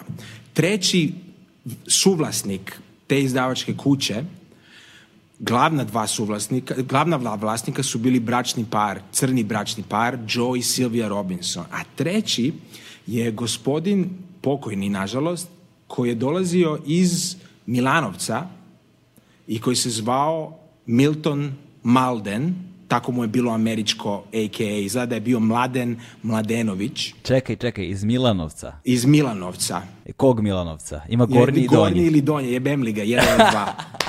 A, Milton Malden je bio Znaš, da, moja, moja, žena je, moja žena je iz Gornjeg Milanovca, pa zato pitam. Eto, saznaću ti, saznaću ti pitaću Do. njegove unuke koje su mi se javile preko Instagrama, jer sam mhm. jedini koja je stavljao hashtag Milton Malden, ima da. pet hashtagova, od toga su četiri moja i javile su mi se njegove. On je bio, znači taj label, pa ću se vratiti onda na dokumentiranje arhive i, i mhm. ovaj, taj arhivski rad i, i povijesni i istorijski rad koj, kojim se sad bavim i istraživanje. Um, taj Milton je postavljen od jevrejskog mafijaša Morisa Levija koji je dao lovu za taj label, a Milton, jugoslavenski ambasador do 72. u Njorku, je bio njegov čovjek koji mu je kontrolirao financije i vodio je sales department, znači vodio je financijski department tog istog Sugar Hilla. Ja sam dobio od mog prvog susjeda s kojim sam odrastao i njegovim sinom Milanom, E, moj prvi sused, komšija, je Tihomir Popasanović, naš proslavljeni Hemond orguljaš i, i član jedne od najvećih rock grupa, ex-Euro grupa The Time i, i još jedne grupe September. Objavio je 70 i, 72 fantastična solo albuma koji su ono sada izuzetno traženi na Discogsu on se u to doba družio sa Miltonom i, do, i donosio mi je a, od 83. četvrte ploče i kazete te iste izdavačke kuće i donio mi je taj prospekt odnosno nekakav magazin o Sugar Hillu gde ti na dve strane imaš intervju sa Miltonom koji priča da je za vreme drugog svetskog rata zajedno s Titom borio se protiv nacista. A, A, pričao je tome da je bio u jugoslavenskoj diplomaciji, da je, da je bio u preko 60 zemalja i da su bili jako tužni kad je napustio diplomaciju i krenuo u svoj biznis i on je tamo postavljen i ja sam pročitao od početka taj a, intervju, već 84. I na jednoj stranici tog istog magazina uh, Diskos, izdavačka kuća iz Sarajeva, čestita Sugar Hillu na velikom uspjehu i uzima cijelu stranu u tom magazinu da čestita i piše ono Your proud partner from Jugoslavia. Tako da je Jugoslavija cijelo vrijeme imala nekakve, naša izdavačka, naša muzička industrija imala kontakte sa rap industrijom i zato ono što nismo spomenuli da 80-ih i PGP RTB i Jugoton i Diskos i založba plošći iz Ljubljane licencira određena rep izdanja na našem vinilu i štampa ga na našu kasetu i na naš vinil. Uh, I tu si imao i Sugar Hill izdanja tipa Beat Street od Grandmaster Flash, imao si LL Cool J, Bigger and Deffer, imao si fantastičan CBS of Def Jam of uh, uh, Beastie Boys, License to Ill, kasnije Paul's Boutique od, Beast, uh, uh, od, a od Beastie Boys, PGP RTB je objavio 87. Uh, grupu Houdini, i njihovo Open Sesame tu su Jazzy Jeff i Fresh Prince, tako da kroz 80. rane 90. pre rata je, je Juga objavila 15-20 američkih izdanja na našem uh, vinilu i ta izdanja su sad kako bi se rekao, mnogo gotivna na međunarodnom tržištu ploča, ne? I jedne, neke od tih izdanja su izdana ovdje na kaseti i samo su u Jugoslaviji izdana na kaseti, nigde drugdje nisu bile izdana na kaseti. Tako da je vrlo interesantno i sada kako se bavim istraživanjem svih, svih tih stvari, ta domaća jugo izdanja imaju, imaju svoju posebnu vrednost. Ja pripremam za 2023. galebe moj muzej hip-hopa grada Zagreba, i pripremam a, kulturni, mul, a, multimedijalni kulturni centar, grad, hip-hop centar grada Zagreba, koji će se zvati Blackout. I a, ovo vrijeme korone, znači od, od trećeg mjeseca prošle godine, uz malu pauzu koju smo imali od, od mi smo u Hrvatskoj imali od 15. 15.5 pa do 10. smo živeli koliko toliko normalno. Ja sam radio i nekakve mini, mini nastupe, DJ nastupe i jedan mini festivalčić u Zadru, ali ništa nije moglo da bude napravljeno internacionalnog karaktera, već je sve bilo domaće. I a, skupljao sam arhivu i prolazio kroz svoju arhivu i a, moja arhiva je nekih dvadesetak kutija a, što press clippinga, što knjiga, stikera, imam puno naljepnica, baš ono, collect collect collector's items, ono, kolekcionarskih naljepnica. Imam press clippinge američkih, kao što sam spomenuo da mi je Death Row poslao California Love, tu je bio i nekakav press release uz to, sačuvao sam to, sačuvao sam stiker, sačuvao sam svaki press clipping, svaki flyer, svaku emisiju sam snimio imam preko 8-9 eh, hiljada gramofonskih ploča, preko 2-3 hiljade diskova. Za Big L-ov eh, album, eh, nakon što se Big L vratio iz Zagreba u New York, a, i ubijenje 99. On je posumno, je izdavačka kuća Rockers objavila njegov a, drugi album The Big Picture i on je prodan u pola miliona primeraka. Ja sam a, dobio sa posvetom i zlatnu ploču od izdavačke kuće Rockers i to je neki moj svojevestni gremi koji, da. koji sam ono dobio i to mi je, to mi je definitivno najdraža memorabilija koju imam u svojoj um, arhivi i uh, mogu ti reći da, da sam ono napravio posložio sam sve te koncerte po datumima, složio sam a, tu memorabiliju, a ideja mi je da sve ove artiste s kojima sam surađivao svih ovih 30 godina zamolim da nam a, doniraju po jedan primjerak a, a, iz svoje personalne kolekcije da oplemene Zagrebački hip-hop muzej koji ćemo podijeliti na dva dijela. Biće jedan hrvatski i regionalni i bit će jedan američki, odnosno engleski, malo njemačkog, francuskog, ovisno o tome koliko smo sa kojom zemljom surađivali, a ideja je da uz imamo i sobu dvije za promociju nekakvih albuma, male pres konferencije, mora biti i neki bar tu, mora se nešto i popiti. Uglavnom 2023. to, je, to mi je nekakva misija za sljedeće dve godine da otvorim, da otvorim hip-hop muzej. Jel imaš lokaciju?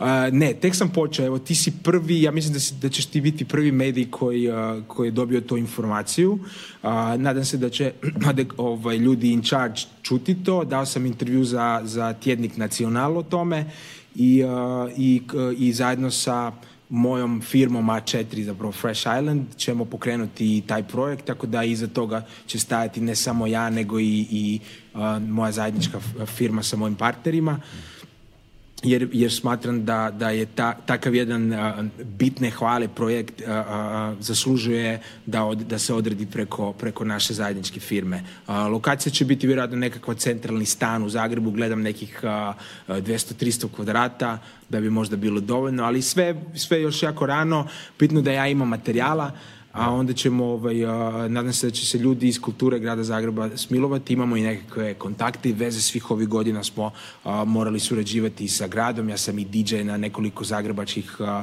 sportskih manifestacija kao što je Snježna kraljica, skijaški, skijaška utrka na Sljemenu, onda Hanžekovićev memorial, to je velika atletska trka, ja sam njihov službeni DJ i puštam muziku za cijeli stadion, odnosno za cijelu stazu. Brate, koja si ti riznica, kućo moja. Ovaj... Iznenadio sam sam sebe, mislim. majke mi, majke mi, ovo sve istina, majke mi. znaš, fore, ovaj, jesi razmišljao o tome da napišeš knjigu i evo, znaš, to... Uh, znaš šta, ovaj, 2023. ću objaviti uh, uh, knjigu fotografija a, a mojih sa, sa, sa ljudima iz hip-hopa i dragih prijatelja iz industrije.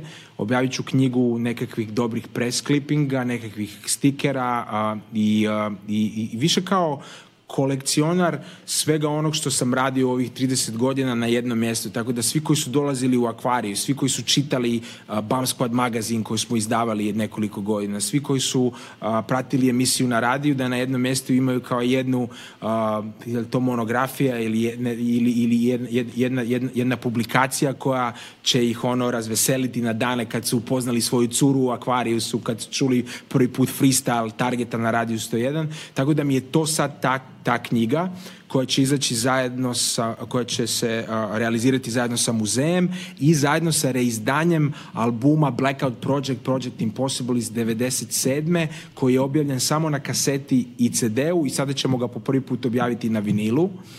A knjiga o mom životu i sve ove neke priče a, ćemo ostaviti za ono za duboku starost, ne, doživjeti stotu, doživjeti stotu. Ove... Ovaj. Kad uđem u penziju, kad ne bude više paprike od ovih da. stvari, od DJ-iranja, onda moram izdati nešto da bi onda, znaš, mogo I... da platim gebis i, i, i štake i, i, i, ovaj, a, i masažu kod, kod, ovaj, kod tajlanđanke.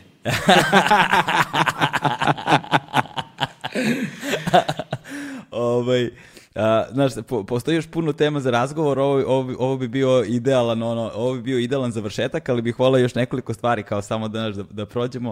U stvari ni ne moramo nešto puno, mislim da, je, da, da svakome ko možda nije imao jasnu sliku o tome ko si ti i zašto ti, da posle ovoga apsolutno je svaka sumnja otklonjena i zaista mislim da su ovakva svedočanstva, ovakvi razgovori ono, beskreno važni zato što na neki način predstavljaju ulazak u stvaranje neke arhive koja će valjda nositi nekakvu težinu, nekakvo značenje kroz vreme, zato što će ljudi uvek ono, moći da se vrate, da čuju, da poslušaju ili ukoliko neko bude radio nekako istraživanje, imaće ono izvor, dakle će moći da se informiše, ti si svakako jedna od tih osoba, ako ne jedna od ono, najvažnijih osoba kada, su, kada je, kada je hip-hop uh, kultura, mainstream kultura i subkultura u pitanju. Ovaj, ali sećam se isto uh, ban svih incidenata koji su bili na Fresh Islandu, ovaj, na, način, na kako, kako, kako, kakve, kako je situacija imao 50 Cent ovaj, kada, je, kada je bio kada je 50 Cent bio 50 Cent, jel te, kada je dolazio Zagreb, tad, tad, su, tad su isto, ovaj, tad isto bio neki haos. To u Zagrebu bilo, tako? Ne, je, 2006. ja mislim, u Zagrebu. A a, ja sam se vratio iz, iz, iz Njurka, provao sam tamo neke dane od nekih par meseci u Americi. A, a, friend iz, a, iz Čitluka, iz Hercegovine je potpisao za, za New Jersey Nets i a, Zoran Planinić, pozdrav Zoki u Čikagu a, i, i, ovaj, i mi smo mu se javili, Kula i ja smo mu se javili da dolazimo u New York na par meseci i on nam je ono ladno rekao, ej momci imam sobe za vas, dođite, tek sam stigao, imam kuću na pogled, s pogledom na, na Manhattan, na, na, ovaj, na Hudsonu i, um, i proveli smo neko ludo vreme 2006. u Americi nekoliko meseci radići bitove, prodavajući bitove Amerikancima i odlazeći na NBA utakmice gde smo za svaku tekmu dobili tri karte išli bi uh, a, uh, moj biznis menadžer Daniel Glogauer iz, iz, iz, iz Amerike, a, uh, a, uh, ja i pozvali bi jednog od bitnih menadžera i onda bi ga vodili na utakmicu, imali smo 12. red, prvi red je bio Giga, Jay-Z, mi smo bili 12 i za utakmice bi se sreli sa Zokijem i igračima i išli u neke klubove gdje je ono Zoki bio galantan i na taj način smo imali trikove kako da omekšamo te egzekutive da nam daju, daju komadić kleba. I onda smo, ovaj, ono, tako smo ghostface Ghostfaceu snimili stvar, Bow Wow i o smo napravili single, tako smo radili sa Kanye Westom i sa, i sa Jada Kissom i sa Miri Benari, Lil Mo, Fatman Scoop, ono, sa svima, Wu-Tang, uh, uh, masa, Pitbull, Baby Bash, sa svima smo producirali nešto na taj način, a nešto, posle su se i te stvari čule i zavrtile 50 je a, nered iz nereda iz stoke je a, obradio mataš, mataš sendviče, pršutanu, mataš pršutanu iz zaleđa Zadra je obradio da mu daju lovu da dovede 50 centa u Zagreb, u dom sportova. A, Zašto? Mataš je u tom trenutku trebao da počne da radi nekakve sendviče koji bi bili kao fast food sendviči tipa Montana koji su u to doba startali ovde i jako se dobro uhvatili na benzinskim pumpama i ovo su trebali da budu neki ono pre-made sendviči sa ostacima pršuta koji oni vakumiraju, režu ljevo desno i neki mene zove da mu ja dovedem 50-a u, u Zagreb. Um, 50 dolazi u Zagreb, um, Nere organizira kako organizira, to mu je bio jedan od prvih veliki koncerata i ono bilo je svega i svačega. Međutim, kako sam ja bio ono, hendlo sam i 50 i ekipu i novinare. Ante Batinović sa Hrvatske televizije ima javni, uh, eh, ima uh, direktno uključivanje u dnevnik, glavni dnevnik Hrvatske televizije i dogovara sa menadžmentom da intervjura 50-a. Ja trčim po hodnicima i on prvo mene zove. Uključ, uključenje se dogodilo. Ja radim sto stvari. Fili fat, fili fat. A gdje je taj fili fat? ja dolazim i nešto pričam i dobijamo informaciju da je 50 spreman, krećemo iza, kamere u, otvara, security otvara vrata, ulazimo u sobu, a management oko stola nešto kleči i nešto radi.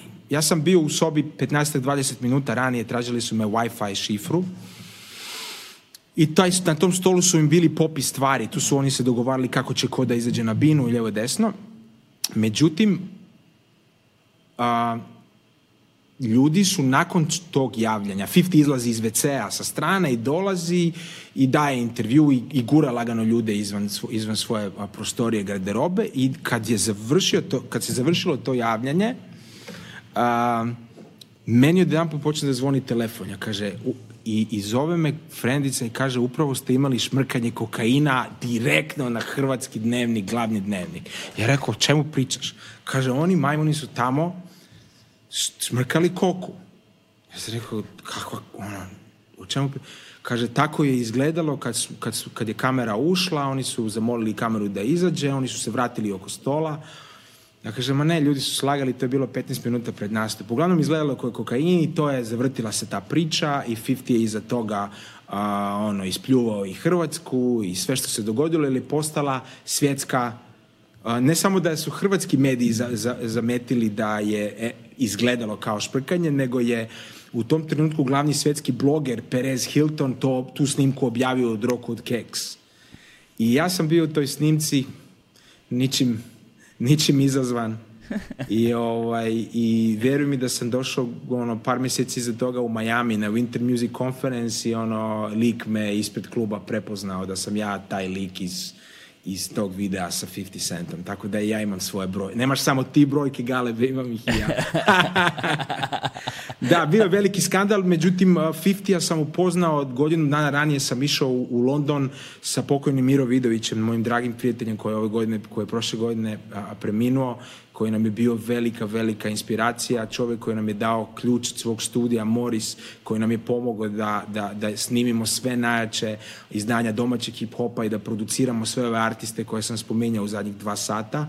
A, nažalost je preminuo, on je čak a, u, er, zbog nas u, u, u studio do, donio, kupio i SSL board a, um, Solid State Logic na kojem je rađen i Michael Jacksonov thriller Um, bili smo u Londonu, intervjuirali smo 50-a jer je 50 tada sa Ribokom lansirao uh, one svoje I am what I am uh, tenisice, patike.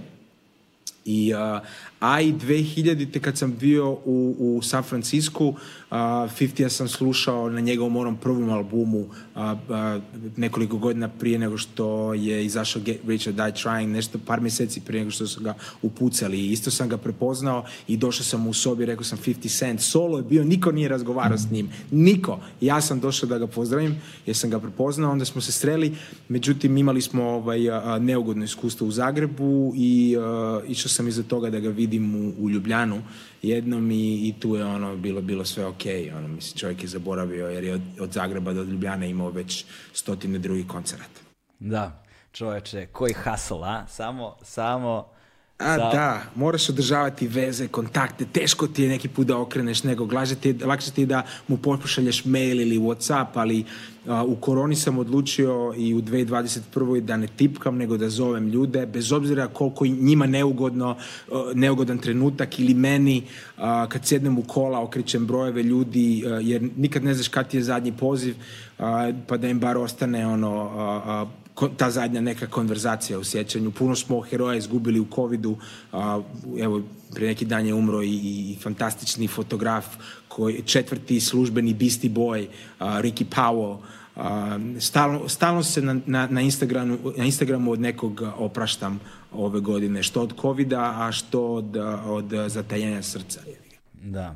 Tako da, stvarno, zaista je ono tragično način na koji je ova ono, pandemija pogodila jel te, ceo svet i živote svakoga od nas i ne samo što su se poslovni modeli promenili, ne samo što uh, su se naši životi promenili ovaj, na, na najrazličiti načine, nego što mislim da se polako zbog dužine trajanja cele pandemije negde psihološka konstitucija svakoga od nas polako menja, način na koji posmatramo sebe, svet oko sebe, svoje bližnje, uh, Znači, ta vrsta neizvesnosti a, a, koja postaje sada vidljivija nego ikada pre, otvara upravo ta pitanja o, negde naš i o konačnosti i o našim odnosima prema drugima i prema samima sebi i, znaš, kao nisi jedini uh, i nisi prvi od kojeg čujem, znaš, da ono, menja polako način razmišljanja i način ophođenja prema sebi i prema drugima. Uh, I, naš, ukoliko išta možemo u celoj ovoj pandemiji da posmatramo kao pozitivnu stvar, možda je to jedna od tih pozitivnih stvari, jer mislim da se negde možda na malo bolje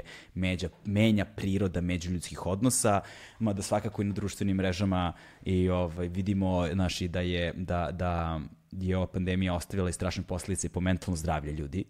Naši ljudi su brat, odlepili sigurno, ono, na, na, na, na mnogo nivoa, tako da rano je možda govoriti, još uvek traje, ali ono, knjige će se pisati, dokumentarni filmovi će se praviti u ovoj pandemiji. Ovo, znaš, ovo nije viđeno nikad.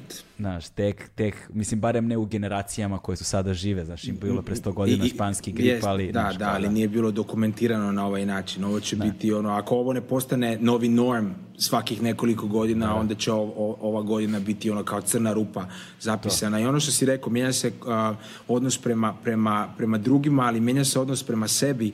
A, mogu reći da sam a, u zadnjih godinu dana izgubio preko 13 kila, a, ok, ne idem u kafane, ne rade, ne sviram po klubovima, ne pijem, pa gubim kile. Ali sam krenuo u teretanu, prije, prije korone um, i malo, ma, malo vežbam i kući. Vidim moji kolege iz, iz, iz kancelarije, iz ureda, uh, idu, svakodnevno uh, odlaze na Sljeme, na našu, na našu planinu iznad Zagreba i hodaju do gore i dolje. Ljudi su se okrenuli sebi, okrenuli su se zdravom uh, uh načinu života, dobroj prehrani, uh, mediteranskoj sa puno maslinovog ulja, sa puno ribe. Hvala Bogu, mi toga imamo i, i nije o, o, oskudjevalo i u koroni, smo dobro jeli i kuvali.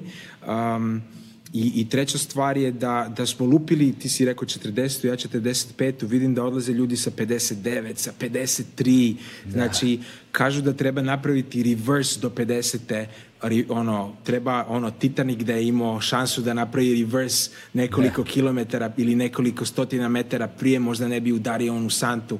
Tako da ja sam u toj fazi skuliravanja svega oko sebe, ali najbitnije od svega je da vam niko ne zajebe dan Svaki da. dan je iznimno vredan, dan ne možete vratiti, svaki dan mora imati, bi trebao imati neki dobar vibe. Znam da su financije problem, ali od kad se probudite, probajte da vam, van, obično nam vanjski utjecaj, loša poruka, loši Whatsapp, ili loša, loša vest koju smo čuli na Facebooku, a, pokvare vam cijeli dan e, i ja sam u fazi da mi dani budu dobri, da imam skladan brak, da imam, da sam u dobrim odnosima sa klincima i da napravim takav štit oko sebe da ne mogu svi mali a, kometi da dođu do, do, do, do, mo, do mog a, well, no, no, do mog dobrog zdravstvenog stanja, jer mi kao Balkanci i onako živimo u emotivnom stresu. Nama je racio broj 2, nama je glava broj 2, srce i duša sve. Znači mi primimo informaciju ovde i da. reagiramo i onda tek dolazi u glavu malo kasnije ili, dan, ili sutra dan. Tako da uh, bitno je da, ne da kažem da postanemo manje Balkanci, nego da malo ne, brate, ma, znaš, da ne rikneš sa 59 zato što te nešto sekiralo s 45, jebi ga. Ajde da malo promenimo načine u ishrani, znaš. Ishrana, malo odlazak, Posebno. na, odlazak u prirodu je vrlo bitan, šetnja je bitna. Posebno di, južnije od Savda. Posebno južnije od Save i Dunava gde klopa nije tako mediteranska. da, dobro, ima svega sada se može nabaviti. Bitno je samo da i u Beogradu se, Beograd je velegrad i Srbija i može se nabaviti, može se naručiti. Da. A, mi, mi nabavljamo stvari, kupujemo puno i, tajlandskih i kineskih stvari, znači kuhamo malo i taj dio, pa kuvamo indijsku klopu, pa malo promenite, odite na internet, pogledajte recepte, pogledajte ove fantastične kuhare. Hrvatska je počela da dobija i Mišel, Mi, Mišelina, imamo nekoliko restorana sa zvezdicama. Znači, razvijaju se stvari, sve odlazi u nekakve ono mikro a, krugove i, i u nekakve enklavice i čini mi se da on neke stvari počinju da funkcioniraju individualno a, bez a, da ti ovisiš o državi i o klimi, međutim kad ti ne daju da radiš onda ne možeš stvarno ništa. Ako ne možeš da odeš da sviraš ploče u, u, u, u pločnik, ili, ili bilo gde drugde, onda, onda, onda je to veliki problem, kužiš, onda je to, da. onda, onda, onda gubimo i onu osnovnu a, funkciju ljudskog postojanja, to je, to je druženje i, i komunikacija. Mislim da su to, brate, odlične reči da završimo polako ovaj razgovor. Ovaj, stigli smo svoje kraje, evo bili smo dva i po sata sigurno. Ovaj, hvala ti, ovaj, Boris. Kućo, hvala ti puno na ovom divnom i inspirativnom razgovoru, hvala ti puno na ovim anegdotama, poučnim, zabavnim pričama, posebno iza scena na Fresh Islandu, gomile stvari prvi put čujem, nisam znao. Hvala ti na ovoj fantastičnoj informaciji ovaj, o vezi između Jugoslavije i rođenja hip-hop scene ovaj, u Sjedinjim američkim državama koje mislim da je ono zlata vredna. Hvala ti puno na svim mojim godinama prijateljstva i čuvanju silne arhive koje će nam mnogo značiti u vremenu, vremenima koje dolaze.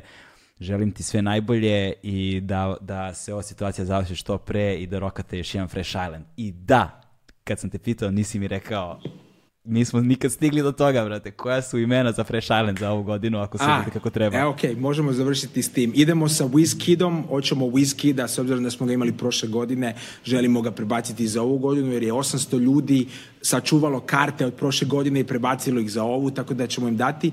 Drugo ime je, a, koje gađamo je Kate Ranada, fantastičan U, da. kanadski producent i DJ i Grammy, a, nagrađen a, nekoliko Grammya a, pregovaramo sa nazom, s obzirom da je bio 2012. želimo ga dovesti 2021. na našu desetu obljetnicu, jer je otvorio festival. A, to su tri headlinera koja, koja, koja želim dovesti, e, tu su DJ Jazzy Jeff, D-Nice, DJ D-Nice koji je u karanteni napravio je najbolji posao, postoje najpopularniji DJ na planeti, imao je preko 200.000 ljudi uključeno na, na, na live feedu, čak i uh, Michelle Obama se uključivala da bi gledala D-Nice-a, uh, e, ekipa iz Soul Action, e, radijske emisije i, i, i krua iz, iz LA i naravno tu ćemo malo više posvetiti pažnje i regionalnim i domaćim izvođačima s obzirom da je korona i, i nisam siguran koliko ćemo moći povući ljudi iz inostranstva. To je otprilike nekakav pre presek Fresh Islanda za 2021. za našu desetu obljetnicu i kažem otišli smo s Paga nakon deset godina i odlazimo u Istru i, uh, i uskoro objavljujemo nove datume i novu festivalsku destinaciju. To je to. Hvala ti puno, Kućo, na razgovoru, na prijateljstvu i na svim ovim informacijama. Želim vam sve najbolje. Ovaj, hvala puno ekipi sa 808-ice koja nam je omogućila studio i sve tehničke uslove da snimimo ovaj podcast. Hvala puno svima koji ste nas slušali. Još jednom podsjetnik, ukoliko želite da nas podržite mesečnim pretplatama preko Patreona, link je u opisu podcasta, bez obzira na platformu gde nas slušate. I ukoliko želite sa jednokratnim donacijama preko Paypala, link vam je takođe u opisu podcasta. Stigli smo do kraja, to je to. Ćao!